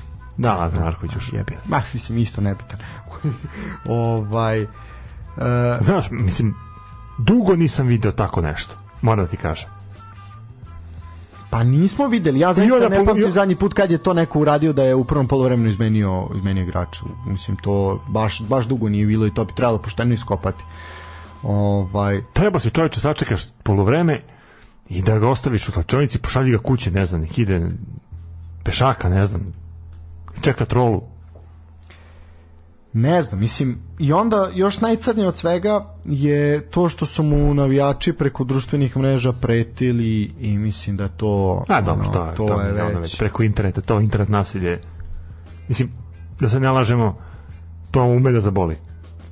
Pa ume, ali mislim da to zaista u ovom momentu nije nije onako ne, ne priliči navijačima Partizana i ne znam zašto to rade, zašto onaj evo VAR provere VAR provere na Banovom brdu 88 minuta je u toku da vidimo da li će biti penala dok to čekamo, samo treba reći da je Aleksandar Miljković postigao pogodak za 3-1 u 48 minutu, sjajno se snašao jednoj gužvi u kaznenom prostoru i Jović je onako u jednom naletu bio i u padu, uspeo da ugura tu loptu u mrežu, sudario se sa, sa stativom, ali na kraju je to sve ispalo kako treba. Ovaj, da imamo, VAR se gleda i čini se da nema 11 terca, nema.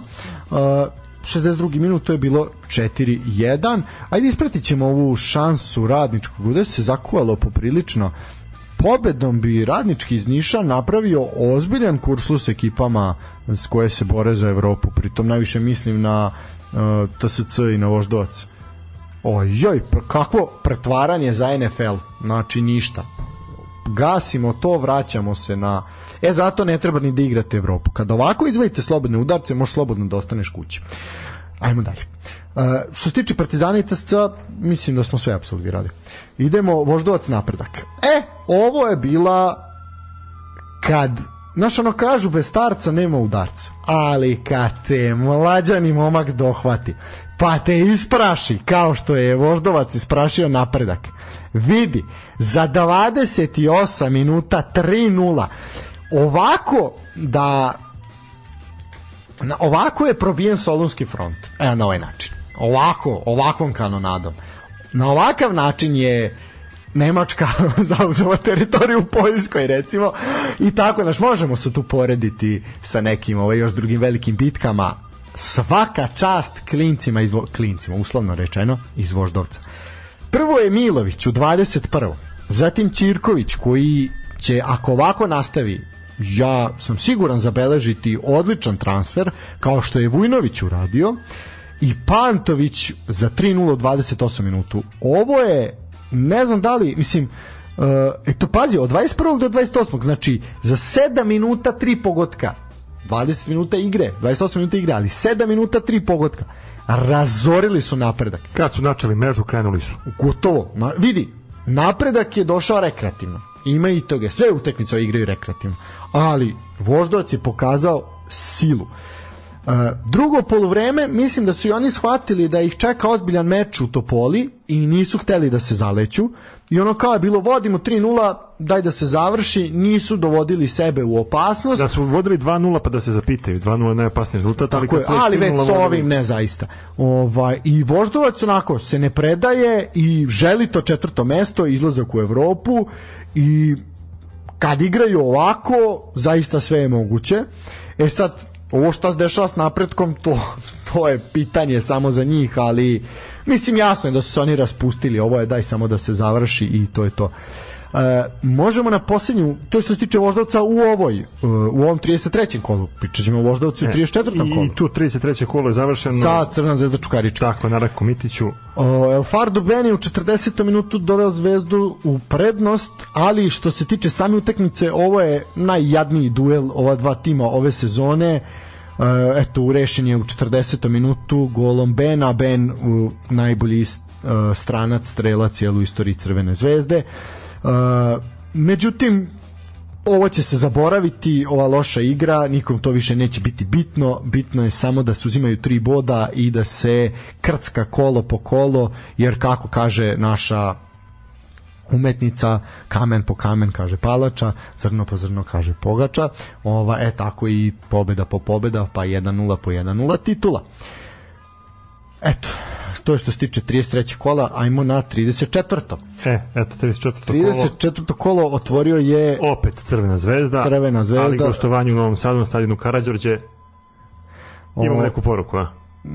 da, da, ovaj. Ajde, počite, pre nego što krenemo. Da, ni, ništa, samo da nema penala, to smo, to smo i mi ovaj, to smo i mi videli, ispratili smo, hvala, hvala ovaj na sugestiji. To, je, to javlja iz Varsove. iz naše Varsove, da, da, da, mo, odlično, ovo je odlično, ovo je odlično. Uh, Vojvodina Crvena zvezda, reče neko derbi, a? reče neko biće gusto. Prvo, ja ne pamtim manju posetu na Karadžorđu da igraju Vojvodina Crvena zvezda. Uh, ali ajde uzmemo u obzir da je bio uh, prvi mau, da je ovaj jednostavno su ljudi roštiljali i taj miris roštilja se širio de, uh, onako po Novom Sadu. Za trenutak sam pomislio da živimo u Pančevu, otprilike, pošto vazduh u Pančevu ima miris, ovaj, tako mi se, ali čini se da ovaj naš ipak lepši malo, još uvek mirišljaviji. Sve u svemu, sa nogo u drugom minutu postiže pogodak nakon kornera i dragi moji navijači Vojvodine koji ovo slušate, ovo je 21. gol koji Vojvodina prima ove sezone nakon kornera da bude još najcrnja. A meni je, mislim, s jedne strane mi ih, mi ih toliko, mi je toliko žao, ovaj, ali šta da se radi? Ja ću pustiti, mislim, na Pust, kraju, pustit ćemo izjavu, izjavu Dragana Radojičića. Ne, moraš sada da pustiš. Sad je, Od, sad je. Aj, čekaj, čekaj sad. Ne strpi sam. I ja da čujem, a verovatni slučajci.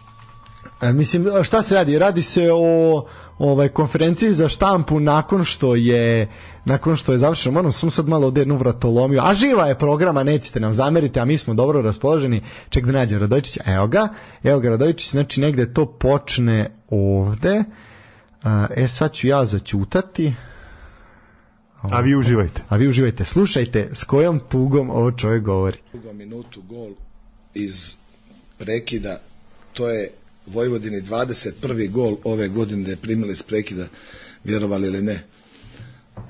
Stotine i stotine prekida vježbamo non stop non stop da mi budemo opasni s prekida, a da ovaj a da ne budemo ugroženi primiš gol u drugom minutu kod drugog gola gubimo loptu na sebe. To je to. Ovaj što se tiče što se tiče ovog. Znaš kak čovjek, ovo ti je ovo ti je pa apsolvirao je, to je to. Šta da kažeš? Primio si gol u drugom minutu. Evo ga, 0-0 gotovo u Banom Brdu. Ja ću samo reći na Banom Brdu, ja ću samo reći jednu stvar. Ovo me ne podsjeća, ovo razočarenje u očima Dragana Radojičića me podsjeća na mog nastavnika tehničkog, kad smo mi, znaš kad radiš na tehničkom s onim a sa ovim testericama, da. razumeš, kad smo isekli stolove kreteni sa, sa, sa tim testericama i onda je došao, on što gleda kao, a mamu vam jebe retardirano tako je, znaš kad ono, se on je rekao to s takvim, s takvim ono žalom i razočarenjem koga i ja školujem. E tako i Dragan, Dragan Radovičić, mislim meni ga je zaista žao, a ne mogu da se sudržim, da se ne nasmejem. Jebi ga Dragane šta bi rekli, bit će bolje sledeći put.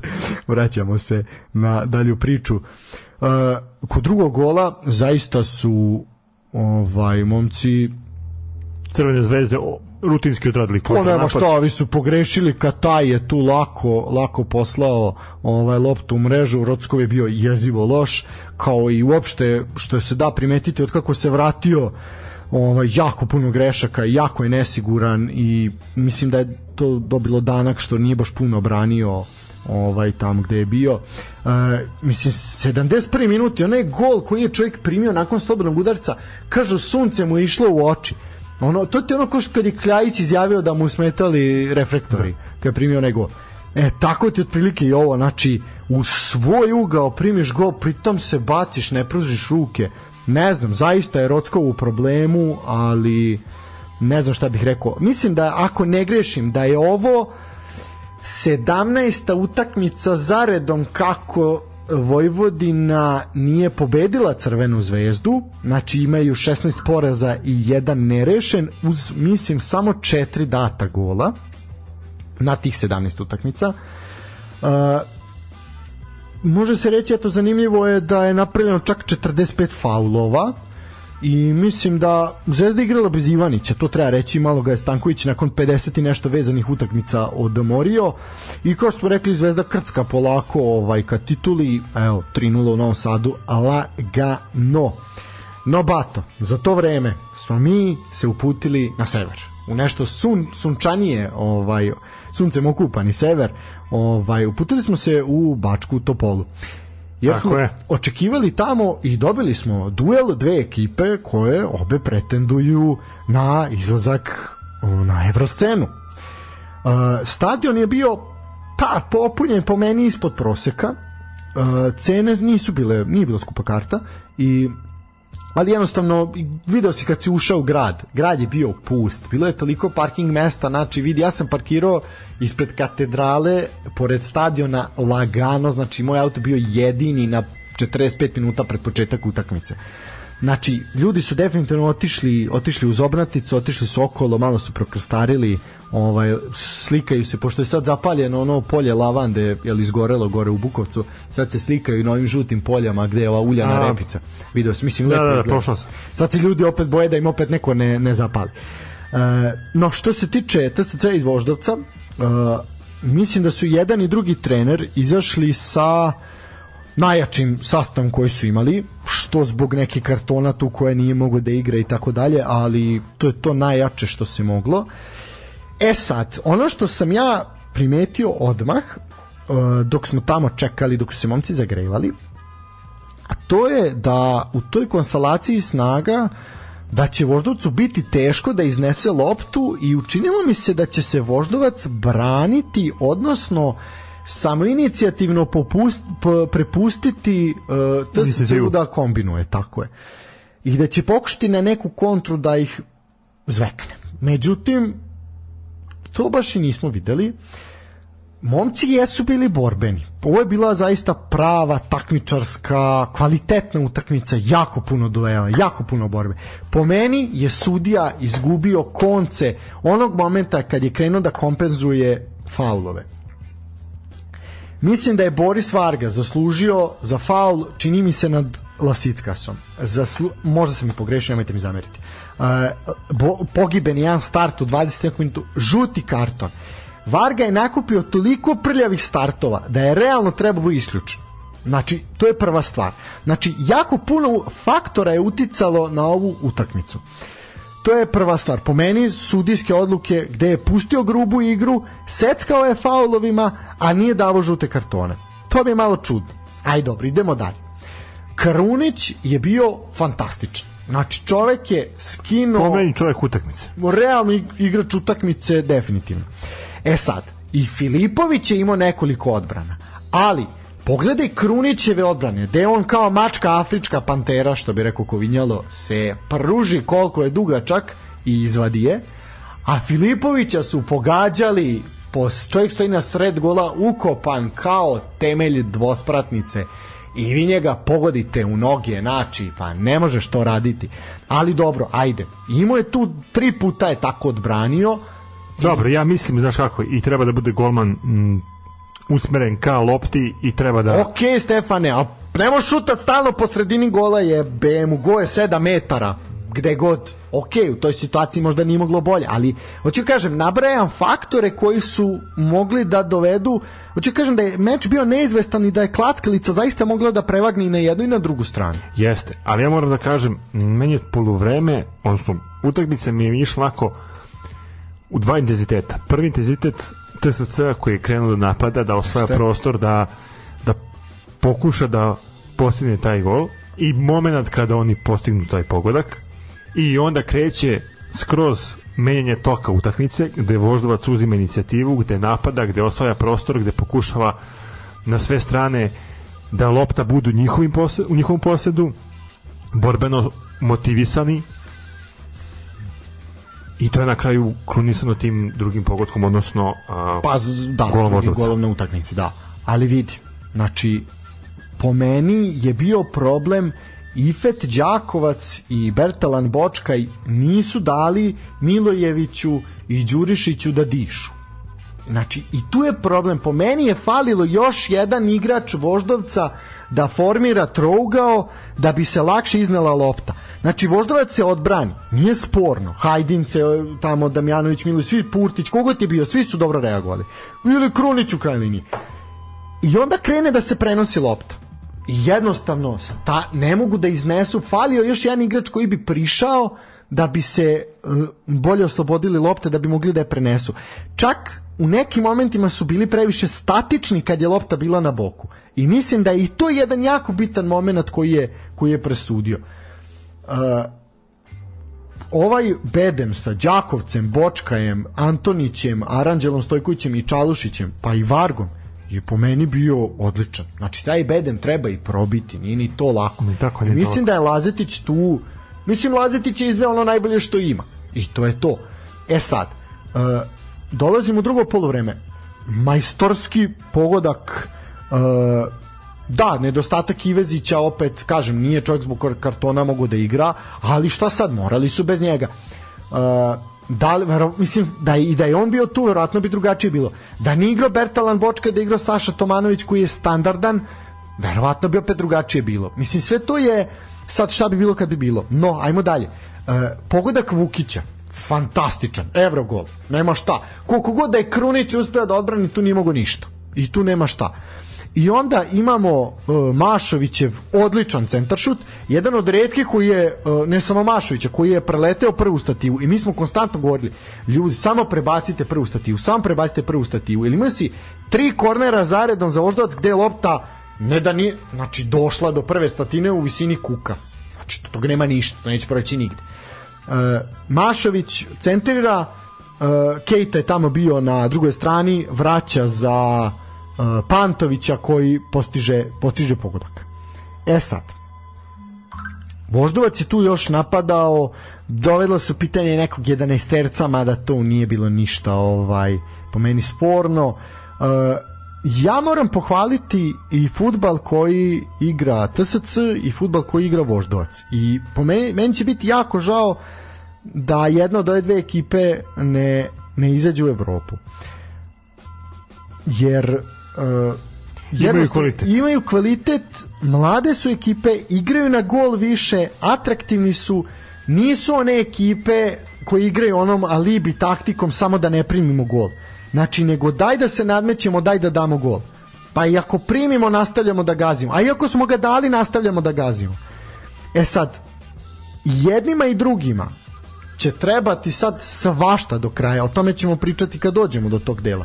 E, imamo utakmicu, ja mislim da sam sve rekao što se tiče ove utakmice u Topoli, a ispravim ako sam nešto boravio. Absolvirao si definitivno. Ja mislim da ako neko ima nešto da zameti nek ovaj Da, da gol su zaradili rezervisti promjena. Pa jeste, da, Mašović i Kejta. Kejta je uneo zaista odličnu, odličnu energiju nakon što je ušao. I videli smo radovanje navijača Voždovca kad je čovjek ušao u igru i to je bilo onako lepo, lepo za primijetiti. Uh, u suštini, nerešeno na TSC areni i bit će gusto. Bod bod više možda odgovara Voždovcu nego TSC-u, ali ajde, vidjet ćemo. Ali definitivno jednim i drugim je trebala pobeda. Paralelno, nešto kasnije je... I to smo ispratili na... I to smo ispratili. Na mobilnom A telefonu. mi smo multitasking vidi, ne da smo, vidi, znaš šta smo sve uspeli?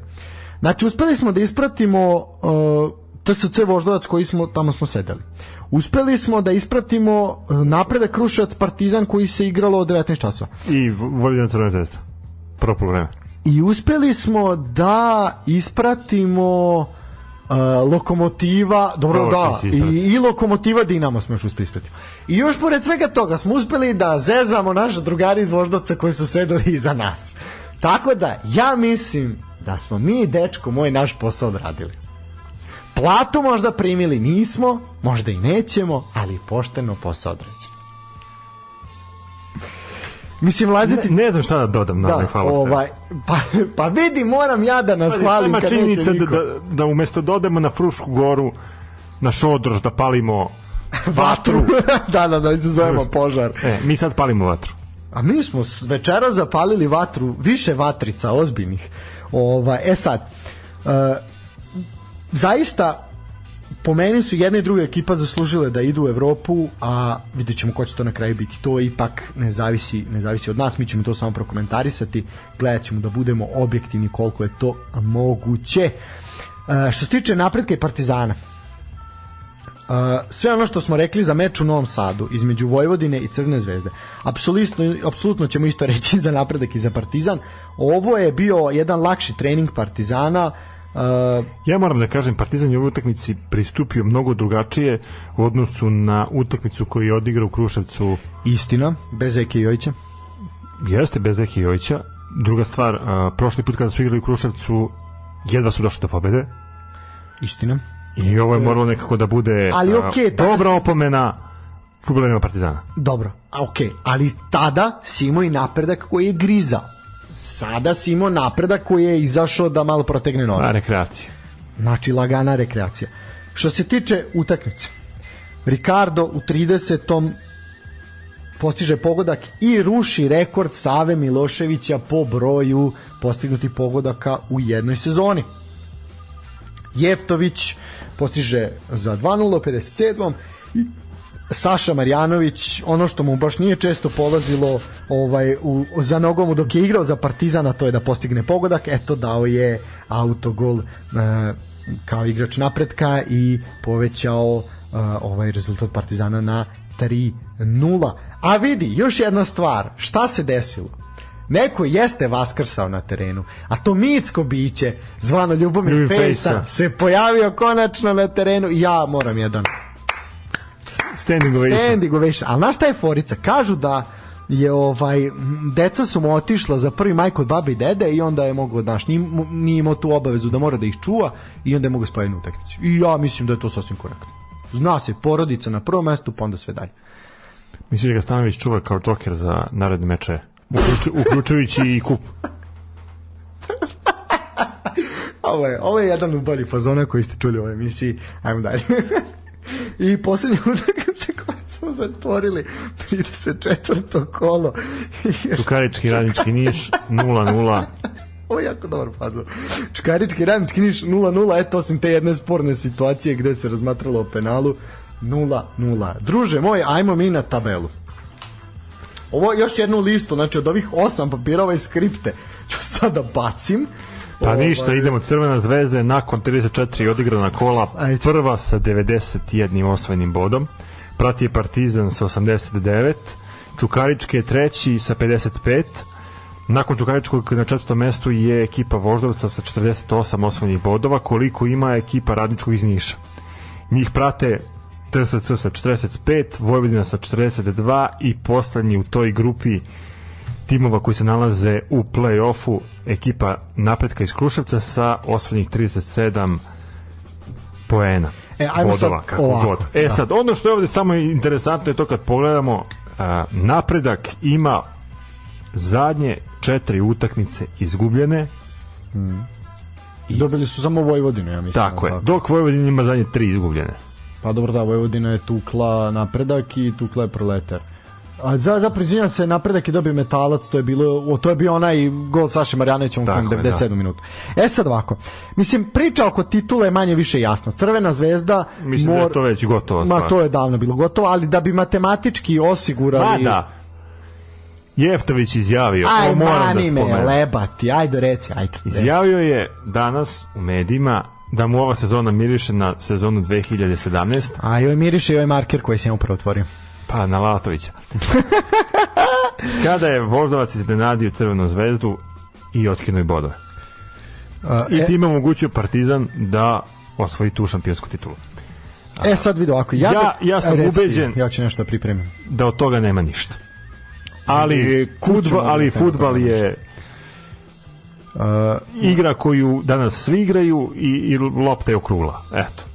Da, e sad ovako, znači, što se tiče, realno, to je završena priča. Vojvodina i napredak, isto završena priča, to isto veze sa životom ništa nema. E sad ovako, Bukvalno pratimo četiri ekipe. prate se Tri, četiri... tri i četvrta je onako. Da. Če, pa tri su bitne, četvrta je tu malo povlašćenijem I položaju. četvrta je tu možda da omete ove tri ekipe. Pa mislim da ne govorimo o istim ekipama. Ja mislim da su glavna borba između Voždovca, Radničkog i Topole Čukarički je povlašćena ekipa. Realno. Da, Ne, da, to, to je to. Na to si mislio. Ok, onda dobro. E sad vidi ovako. Znači ja sad pišem ko igra s kim do kraja. Znači ovako. Čukarički, koji se nalazi u najboljoj poziciji, sledeću utakmicu na Banovom brdu dočekuje Voždovac. Voždovac. Zatim, znači vidi, to je ozbiljan duel. Tu će prštati. E sad, zatim idu Vojvodini u Novi Sad. Vojvodina realno završila priču. I imaju napredak kod kuće u posljednjem kolu. Znači, po ovome, Po oni ovome, su, oni Čukarički su sigurni ima- na trećem mestu. Čukarički ima sigurnih šest bodova i Čukarički ostaje na trećem mestu. Voždovac ima, da kao što smo rekli, Čuku u gostima, pa ima Partizan kući, što će biti I zvezdu gostove na kraju. i Zvezdu na Marakani u posljednjem kolu. To, bato moj, je nezgodno. Uh, tu sad znači imaju mislim malo je ružno reći ali Voždovac ima imperativ pobede u svim utakmicama. Imali su imperativ pobede i protiv TSC-a to ta utakmica je morala da se dobije. Uzet je bod, nije ni to loše ali sada na sve ili ništa protiv Čukaričkog. Ako gledamo najava te sledeće utakmice. Čukarički ili ajde prvo ko sa kim pa ćemo najavljivati kad budemo pričali o terminima. Znači Voždovac mora da uzme što je više bodova moguće. Mislim, da, ono, savjet je u pičku materinu, ali to je što je, znači, borite se ljudi do kraja. Radnički iz Niša ide na Marakanu. Znači, tu zaboravi na tri boda. Tu ništa. Pa zatim, dočekuje TSC. Tu može biti svašta. Na onako lošem terenu zaista može biti svašta. I u posljednjem kolu ide na JNA, znači Partizan. I tu mogu da možda zaborave na bodove. Tu isto treba. Znači, realno, tri boda su vam u igri. Voždovac mora da uzme četiri boda u tri utakmice i Voždovac ima Evropu. Četiri boda u tri utakmice. Znači, neko od večitih mora da... Neko od večitih mora pasti. Što bi rekao je Marko Jevtović, miriše na 2017. Znači, ajde, to, to je realno, znači potrebna su im četiri boda. Idemo na TSC. TSC je u najgore poziciji, jer TSC ima tri boda manje od Voždovca i Radničkog. I sad, što se tiče TSC, a sad jebi ga, moram da otvorim TSC, da vidim, TSC igra, u jebote s a TSC igra u sledećem kolu sa uh, Vojvodinom, ja mislim. Čekaj, Ne, sa Vojvodom igraju poslednje kolo. S kim igraju sledeću, čekaj.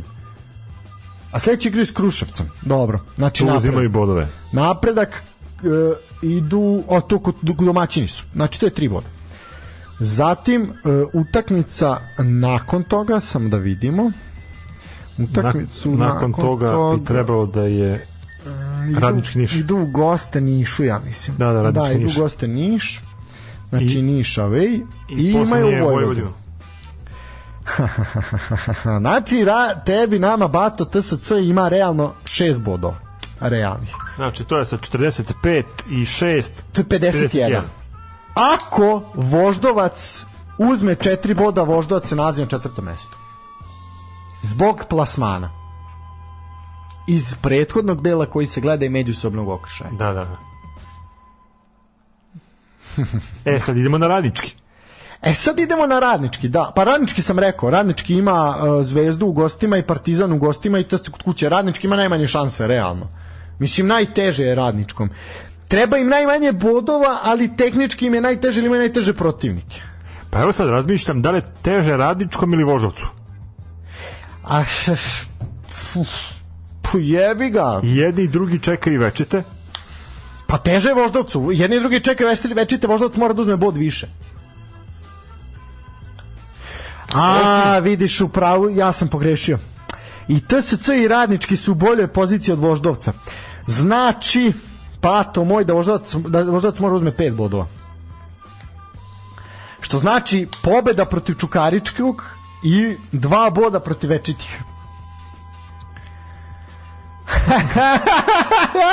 da, da, ovo će goreti, ovo je ozbiljno, ovo se ozbiljno zakuvalo, ozbiljno se zakuvalo, ljudi moji, i A šta misliš da li Vojvodina može da igra šta? neku Šta ulogu, tačno, lebati? Pa neku ulogu da, da TSC možda otkine bod. Ma ja ne vidim kako. Evo da, probeda protiv Čukaričkog i Partizana. Pa dobro, ajde, vidjet ćemo. E, ajde, jel možemo da najavimo? A? Jel možemo najaviti šta će se dešavati na krovu tad? Šta me gledaš tako bledo? Ne znam. Ne znam. Navikli smo ti i ja u našim privatnim životima. Znači da dok ne potpišemo ugovor, dok se ne slikamo sa šalom, ništa ne objavljamo. Jel, jel, da, da, da, da, bude ono, da li će biti mi kao mitsko biće, ono, fejsa, ukazati se na to. Ništa, ovako, znači, Znaš, ljudi, ovako ljudi očekuju od nas da smo neka pojačanja, I onda se povredimo i onda nas nema, čuvamo decu. Koju nemamo, ali čuvamo Ili ono naš useremo totalno sve, što nije. Znaš, mi smo kao naš dobra krava, damo, Damo 20 litara mleka mleka i šutnemo. šutnemo, razumeš. A bar kad šutnemo, šutnemo daleko. Šutnemo momački, razumeš se ritnemo. Ovaj, ona ne samo što šutnemo, nego se još i ukakimo. Ovaj, Pa tako je slađe. da, ovaj, ništa, ajmo, najavit ćemo koga je, nek ide život. Ma nek ide sve kad smo se ovako raspojasali. E, postoje ozbiljne indicije i za sada je sa jedne tehničke strane to izvodljivo da ćemo najverovatnije mi tog tom pretposlednjem kolu Mislim da je to 14. ja mislim da se tako pada, da. E, da ćemo mi raditi našu emisiju uživo sa stadiona na krovu tržnog centra Voždovcu. Znači, Voždovac Partizan, uživo ćete slušati, to će biti 81. epizoda sportskog pozdrava, uz prenos meča i naravno komentare šta se sve bude dešavalo ovaj na e, drugim superligaškim i prvoligaškim terenima u tom vreme, oko tog vremena i tako dalje. Ovaj, dobro. Uh, u suštini ja bih druže moj najavio samo vremena narednog kola i onda bih išao na jednu pauzicu i onda možemo malo pričati o prvoj ligi. Toliko i vremena otprilike imamo. Imamo i neku vest koji bi posebno A to ćemo, da, to sam mislio da ostanemo. Na kraju, ali eto, ajde, zaostavit ćemo za kraj. Da, evo kažu da ćemo Ivana Milosavljevića, jeste, on je prošao mladinsku školu Partizana, eto, može biti naš gost, ovaj, neće igrati, a pa može, ako će navijati za Partizan, nek dođe. Nek... ako će biti iskren sa emocijama, može. Tako da, ajmo na raspored. Znači ovako, šta je sad tu bitno, druže moj? Bitno je da najavimo uh, ovako. Naredno kolo koje se igra za vikend. To je peto kolo. I sad, moraš mi dati neku ozbiljnu olovku od ovog markera da upišem tiket. Evo ga, čekaj. Daj mi Evo ti ova drvena. Može drvena, ali naoštre ne išta. Može, na koji mi. Znači, druže moj, peto kolo, hoćemo prvo ligu za prvaka. Znači ovako. TSC napredak. Šta ti kažeš ovde? Kec. Kec, dobro. Ta utakmica se igra šestog, što mu dođe petak, li tako?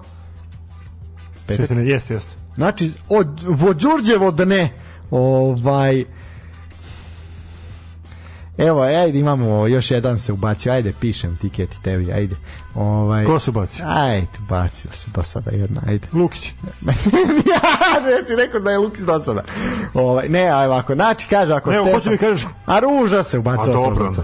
Ovaj, znači, ovako, Stefan kaže Kec, a ona kaže TSC napredak X. Vidi, nika. Vidi ovo, Kec i domaćin daje 2+. Plus. Ali da uplatiš taj tiket. Hoću, hoću, kunem se. Hoću, pa ja sam platio ove prošle. Pa smo čučuli. Nismo videli O, ja sam uplatio. online klađenje, a? pa online, da. Znači, idemo dalje. To je, to je jedini meč u petak. Idemo dan nakon Đurđev dana. Znači, na jedeni ćemo na stadionu Jugoslovenske narodne armije pratiti utakmicu od 14 časova, opet od 14 časova, Partizan Vojvodina. Kec. Kec, ja isto vičem. Kad ja kažem Kec domaćin da je 2 plus, 2 ili više. Ruža dok svoje otkucanje ću upisati. Uh, od 17 časova Evo, Evo, Partizan Vojvodina da Kec. Ah, to se slažemo. I ulazak Ljubomira Fejse. Ulazak Ljubomira Fejse Pred, kvota pred, 300. pred domaćim navijačima. Kvota 300. E sad vidi, ovaj duel će biti zanimljiv, jer imaš tu situaciju da će se ova dva tima susresti ponovo u kupu za koji dan. Da. Ali o tom kupu ćemo pričati u ponedeljak. Ovaj, e, 17 časova Crvena zvezda, Radnički Niš. Da li ovde treba pričati šta će se uopšte desiti? Pa ništa Kec. 4 plus. Neće 4 plus, ja mislim da Kec ili 2 do 3. eto. 2 do 3, dobro. Uh, to je što se tiče uh, Lige za prvaka, kaže Crna zvezda Kec 3+. Dobro, Kec 3+. Ta zvezda možda pređe 100 dati golova u sezoni. Sad gledam, ima Koliko ima? 87. Pa mogu jebi ga. A ne verujem ja će ganjati to. Mislim nešto, ne mislim, ne mislim da ne, mislim da to sad nije prioritet. Nisu toliko lagodni 3 puta da... 4, 12. Ne mogu. Teško. Uh, u subotu od 19 časova, znači subotni program se zatvara jednom jako zanimljivom utakmicom i ovo treba gledati. Metalac Novi Pazar u Gornjem Milanovcu. Ovde će goreti ljudi moji. Čekaj, sam prvi, si prvo krenuo da, da, da pišeš play-off. Pa ja sam, krenuo sam, ovo je sad, pa to je to, ovo je što se tiče subote. Pa nisi spomenuo... A dobro, to se igra u ponedjeljak, jebi ga, idem redom, ajde. Tako ću uplaćivati, ovo ko me zbunjuje ovo. Ove, metalac, Novi Pazar. Uh, A u kakva utakmica? ovde će biti krvi. Ovo ja kažem Gogo 3+. Plus. Stavi meni od 0-2. Oh, brate, nema šanse, će biti golova sigurno. Dvojka na Novi Pazar, kaže Ruža. Dobro. U subotu, e, za pardon, u nedelju od 15 časova u Kragujevcu radnički dočekuje proletar. Kec. Kao vrata. Pratim te. E, od 17 časova Spartak u Subotici dočekuje Kolubaru. I to može bude kec. pa to mora da bude kec. Evo kaže Ruža isto kec na protiv proletera.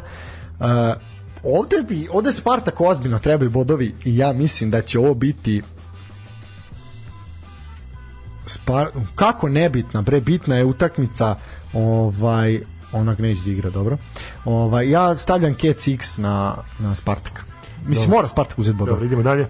uh, šta ti nisi rekao šta ćeš Pa rekao sam kec na Spartak. Kec, izvini, izvini, izvini, izvini. Uh, od 19.05 Mlado slučani radnik. E, vidi ovo E, sad. to je utakmica koja... Ovo je utakmica, dragi moji, koji se igra za kladionicu. Ovo je Gogo 3+. Dobro, neš ništa reći, hoćeš, nećeš. Šta je 2 od 3? Dobro. A, to je nedeljni program. I u ponedeljak, na dan pobede, na da, Ruža 9. kaže, maja. na dan pobede, 9. maja, na stadionu na Balnom brdu, od 17.30. Znači, pa nećemo uhvatiti zapravo deo meča, možda jedan mali deo ćemo uhvatiti u prenosu. Čukarički dočekuje Voždovac. E, na dan pobede, Šta reći? ovo, ovo sad treba ti ako imaš petlju, ako imaš herca uh, kaže Ruža iz X2 uh, puf, jebika ne znam Ako imaš pet, ako imaš herca, uplati dvojke u keca. Dvojke. dvojke u keca. Iz dvojke u keca.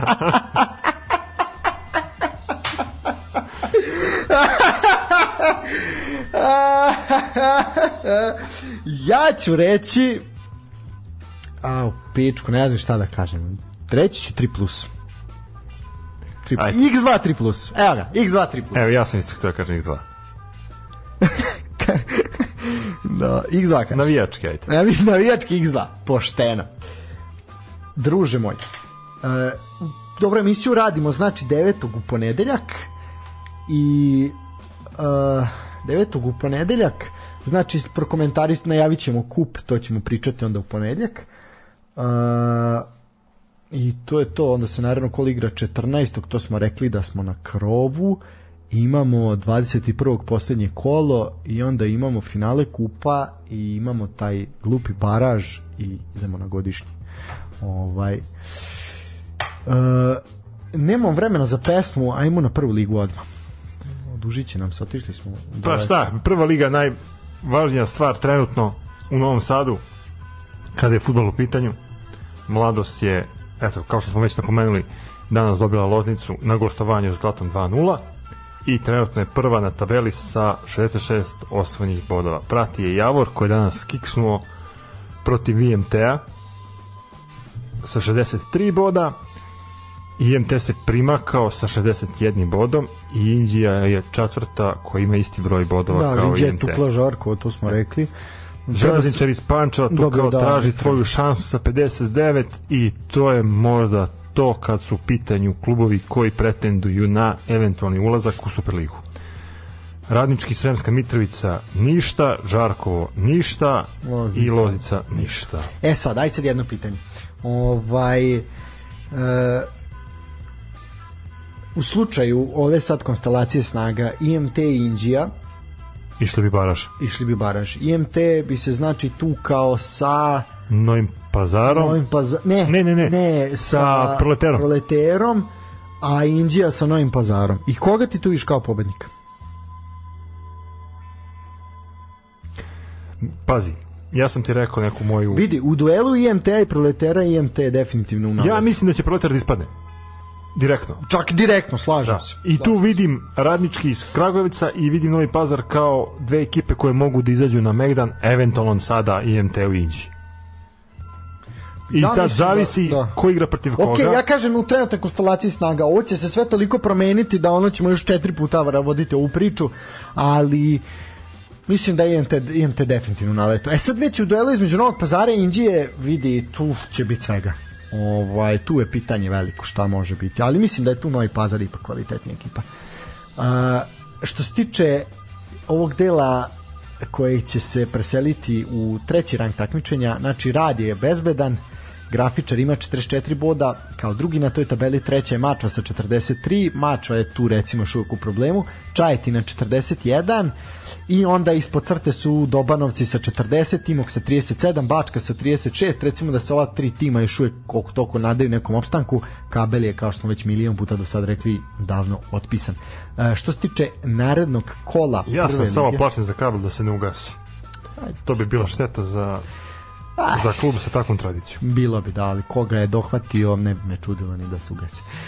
E, što se tiče narednog kola, Bačka upravo dočekuje kabel, Indija igra protiv IMT-a. E, ovo je duel bitan za pozicioniranje na tabeli, jako bitan, ovde će biti svega Ko je domaćin? a, Indija. Ne znam. Pazi, ta liga je nepredvidiva Ma, skroz. to je srp, srpska cvajta, da ista, ne možeš joj ništa. E, grafičar će dočekati Beograd, eto, to je mali beogradski derbi, Mačva budućnost, Zlatibor Timok, a onda imamo Mladost i Žarkovo, to će biti gusto, ali ajde, Mladost igra kod kuće, Železničar Loznica i Javor dočekuje Mitrovicu. Kad smo kod mladosti, mladosti treba pet bodova da oni definitivno osiguraju ulazak u Superligu. Pa eto, prva tri tražimo protiv Žarkova. Mislim da, da, da Žarkovo i i neki dobar rezultat u Mitrovici može mladost da odvede u elitni rang takmičenja. I poslije eto ta utakmica sa, sa INT-om da bude revilnog karaktera. Pa mislim da ne bi smeli sebi da dozvole da u toj poslednjoj sa IMT-om odlučuju nečem. Da, da, da. To nikako.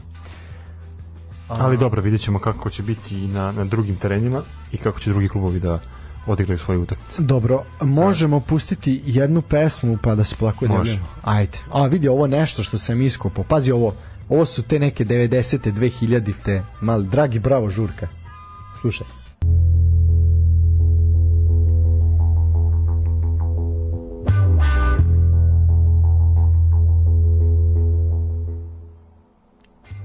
Vraćamo se u poslednji segment naše emisije nakon muzičke numere pola evra. da, da, dobro, dobro, dobro, fazo. Koliko mu to dođe sad? Jebi ga. 58 Pa dinara. 50 koji dinar, da, da, da. Ovaj, da, može četvrt litra goriva kupiti te pare. Ovaj, Ne možeš tiket normalno da popuniš za te pare. ne može. Ne može. A, e, E, sad se vraćamo Šta si htio da mi kažeš? E da, ovako, u suštini e, sezona je pri kraju, to je svima jasno.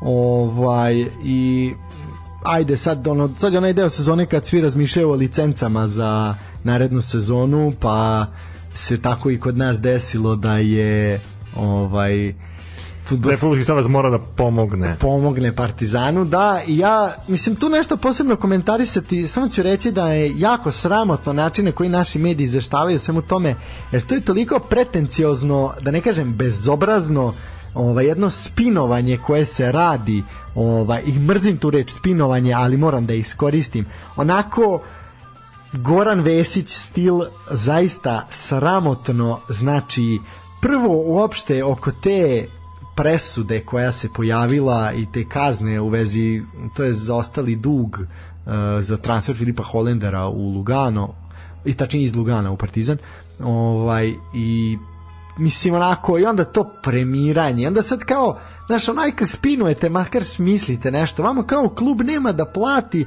250.000 za licencu, A a, ima da 150. premira 150.000 pet protivnika za pet klubova pa koji igraju protiv Crvene zvezde, to ima da da.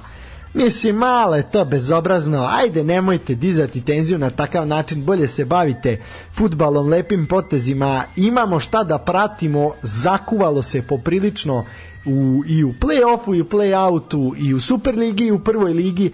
Znači ljudi ajde molim vas nema udaraca ispod pojasa. Ovi ovakvi udarci mogu samo nešto loše doneti. Nećete dići tenziju na način na koji želite ako želite to da postignete ako je to cilj mada sumnjam u, u moralnost i ispravnost vaših ciljeva. To je moja poruka vama Dalje sve ja ne bih komentarisao ti ako reci ako, ako imaš nešto ja neću, ja svoje. Pa ja bi onda prešao na neke malo lepše e, stvari. druge stvari. Da li ti znaš da će se igrati finale kupa ove godine? Pa još uvek ne.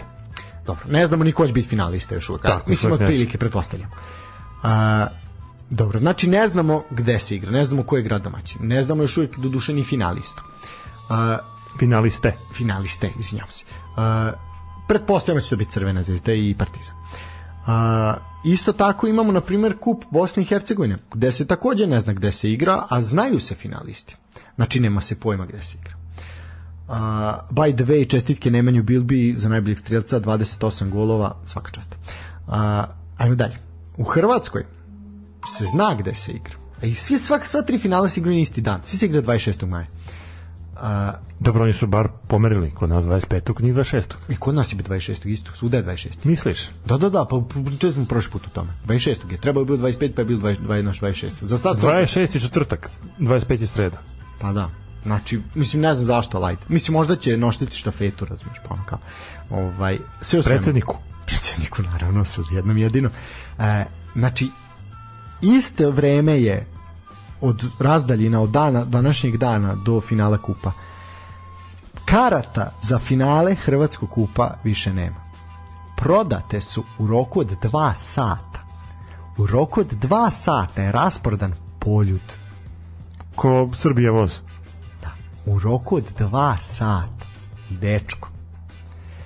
I aj sad da ja tebe nešto pitam. Treba li bilo šta reći? Za dva sata su ljudi, znači da se ne lažemo, nije to sve kupovina preko... Online. Znači ima i online, ima i onako redovno, da kažemo. Za dva sata je nestalo sve, spržilo se. Poljud. Znači to nije stadion od 3000 mesta, nego od 30 i više. Ni koliko tačno ima. Znači, gde smo mi, druže moj? I koliko je zapravo Ne, mi idemo korak po korak. 34 Znači, dok se ne odigraju utakmice polufinala, dok Futbalski savez ne odradi ko će biti domaćin finala, dotle se ne puštaju karte i ja, sad moram da ti kažem, podržavam tu akciju. Nije sporno, ali ajde da vidimo koliko će biti ljudi na našem finalu kupa i za koliko će se prodati. Pa opet zavisi ko će biti u, u finalu. Pa nisu ni Možda ovde bude novi, Hajduk i Dinamo. možda bude novi Pazar Vojvodina. Pa okej, ali nisu ni ovde Dinamo i Hajduk u finalu. Hajduk igra s Rijekom. Znači nije, nije najveći klub. Da se Dobro, ali igraju na svom stadionu. A nisu sve karte njihove, bez obzira što igraju. To ti isto ista je fora koji kod nas. Bez obzira što se igra na tvom stadionu, Rijeka je, Rijeka je nominalni domaćin i imaju pravo na 50-50 što se tiče kapaciteta. Znači, ali jedni i drugi su prodali svoj deo. To je to. Uh, mislim, eto, malo da stavimo prst na čelo pa da malo razmislimo gde smo i šta smo. To je apropo ove priče za publiku na stadionu. E sad, da završimo s jednom onako... E, ja hoću da završim sa, sa još jednom lepo, jako lepa lepim. vest, lepa vest, lep gest zapravo. Da, lep gest. Eto, želimo da čestitamo Vuku Mitošiću. i Vuku Mitoševiću, ali prvo hoću da pažnju usmerim na dame. Spartak je u ženskoj kategoriji Aha. osvojio titulu Tako je. Pa 13. nije bilo 13. put se okitio dileme, šampionskom titulom 12. trofej u nizu Pa zar je bilo ikada dileme da će Spartak uzeti? pa nije, ali Pa onda. Ali svaka čast, naravno E, sad. i srećno u borbi u borbi na evropskim poljima. e sad ono što je jako važno u celoj ovoj situaciji što je meni bilo onako baš simpa Tomislav Karadžić kao počasni predsjednik Futbolskog saveza Srbije uručuje trofej šampionkama. A to mi to misle kaže će on sa 90 godina. Znači, Pa si zaista. super izgleda, mogu ti kažem, bar na Pa izgleda isto ko što je izgledao, mislim ono šta. Ali zaista eto, a dobro on je kao što je rekao sam počasni predsjednik. E sad kad smo kod Spartaka, moram stvarno da iskažem divljenje. Spartak je osvojio titulu sa 60 osvojenih bodova Ubedljivo. i gol razlikom od 134 prema 5. Pa to ti kažem, nije se dodalo u pitanje nikada. Pratilac je Crvena zvezda koja je osvojila 37 bodova. Tako je, tako je. Sve, eto, sve si rekao. I ništa, puno sreće, čestitamo naravno I nadamo se Ligi šampiona. i što dalje, ovo je ne samo Ligi šampiona, nego da se to ode što je dalje moguće. E sad, po meni, ako izuzmemo ovo... Gde ćeš dalje od Subotice? bi ga može se otići dalje što severnije to bolje. E, ovako e, Vuk Mitošević je apelovao na smanjenje kazne za ovog nesretnog Piščevića i u suštini on je operisan pre nekoliko dana i za sada sve protiče onako kako se sam poželjeti može. U suštini narednih šest nedelja Vuk će nositi gips a posle toga lagano kreće i druga faza oporavka kako se očekuje za neka 3 do 4 meseca počeće sa treninzima sa ostatkom e, ekipe. E sad tu je isto Lalatović dao jednu izjavu, on je rekao da je bilo namere, ja bih prvi tražio da Piščevića kazne 6 meseci, ali nije bilo namere, meni jako žao Vuka, to je momak kog sam hteo da zadržim u Vojvodini kad je odlazio i to je momak za koga mogu slobodno da kažem da god ja budem bio trener i ako budem imao autoritet, a mislim da ću ga imati, da ću ga dove, dovesti da mu pomognem da se vrati. Ja ću to sigurno uraditi jer je to stvarno jer je stvarno reč o kvalitetnom igraču. Ovo što je rekao Nenad Lalatović ja potpisujem. Znači evo i taj dan da se ja slažem dva puta u emisiji sa Lalatovićem. E sad ovako, Vuk Mitošević je napisao molbu Futbolskom savezu Srbije da se Nedeljko Piščeviću ublaži kazna izrečena posle nesrećnog slučaja i loma noge u duelu sa radničkim. Disciplinska komisija Futbolskog saveza Srbije uzela u obzir molbu Mitoševića i smanjila kaznu Piščeviću sa 6 na 2 utakmice. To praktično znači da će vezni futbaler radniku biti na raspolaganju Nenadu Lalatoviću na gostovanju u Novom pazaru. Znači ovo je već, već bilo. Ovaj, e sad, mi smo malo pričali sa sudijama i deluje da je ova odluka malo problematična jer je čovjek dobio žuti karton e onda E, je žuti to je to je bilo Da. čudno. Da, znači čovjek je dobio žuti karton i onda je tek kad je sudija uočio stepen pre, preloma, onda je, točnije stepen povrede, ne preloma, ovaj, onda je prepravio u crveni i onda se oglasila su, sudijska komisija. Mislim da je crni karton bio, ajde kažemo i u redu, suspenzija definitivno nije i mislim da su se onako svi ujedinili u tome, pa čak i Vuku Mitošiću kom zaista svaka čast ovaj koji je to jedan zaista pošten momak i vredan i radan i mi to svi znamo, to svi znaju koji prate prate domaći fudbal. Svaka čast na ovom gestu, a svaka čast i fudbalskom savezu što je to usvojio.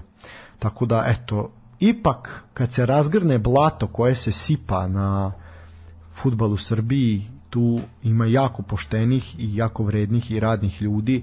Samo kada bi tabloidi i takozvani novinari malo manje posipali izmetom naš futbal, bilo bi to sve, bilo bi to sve mnogo lepše. Pa eto, to bi bilo to za večerašnje 79. uključenje. Sledeća emisija je jubilarna 80. Treba je dočekati. Vama hvala što ste bili i ovoga puta sa nama. Nadam se da ćete biti u toj narednoj jubilarnoj 80. I to bi bilo to za večeras. Do sledećeg slušanja. Sportski pozdrav!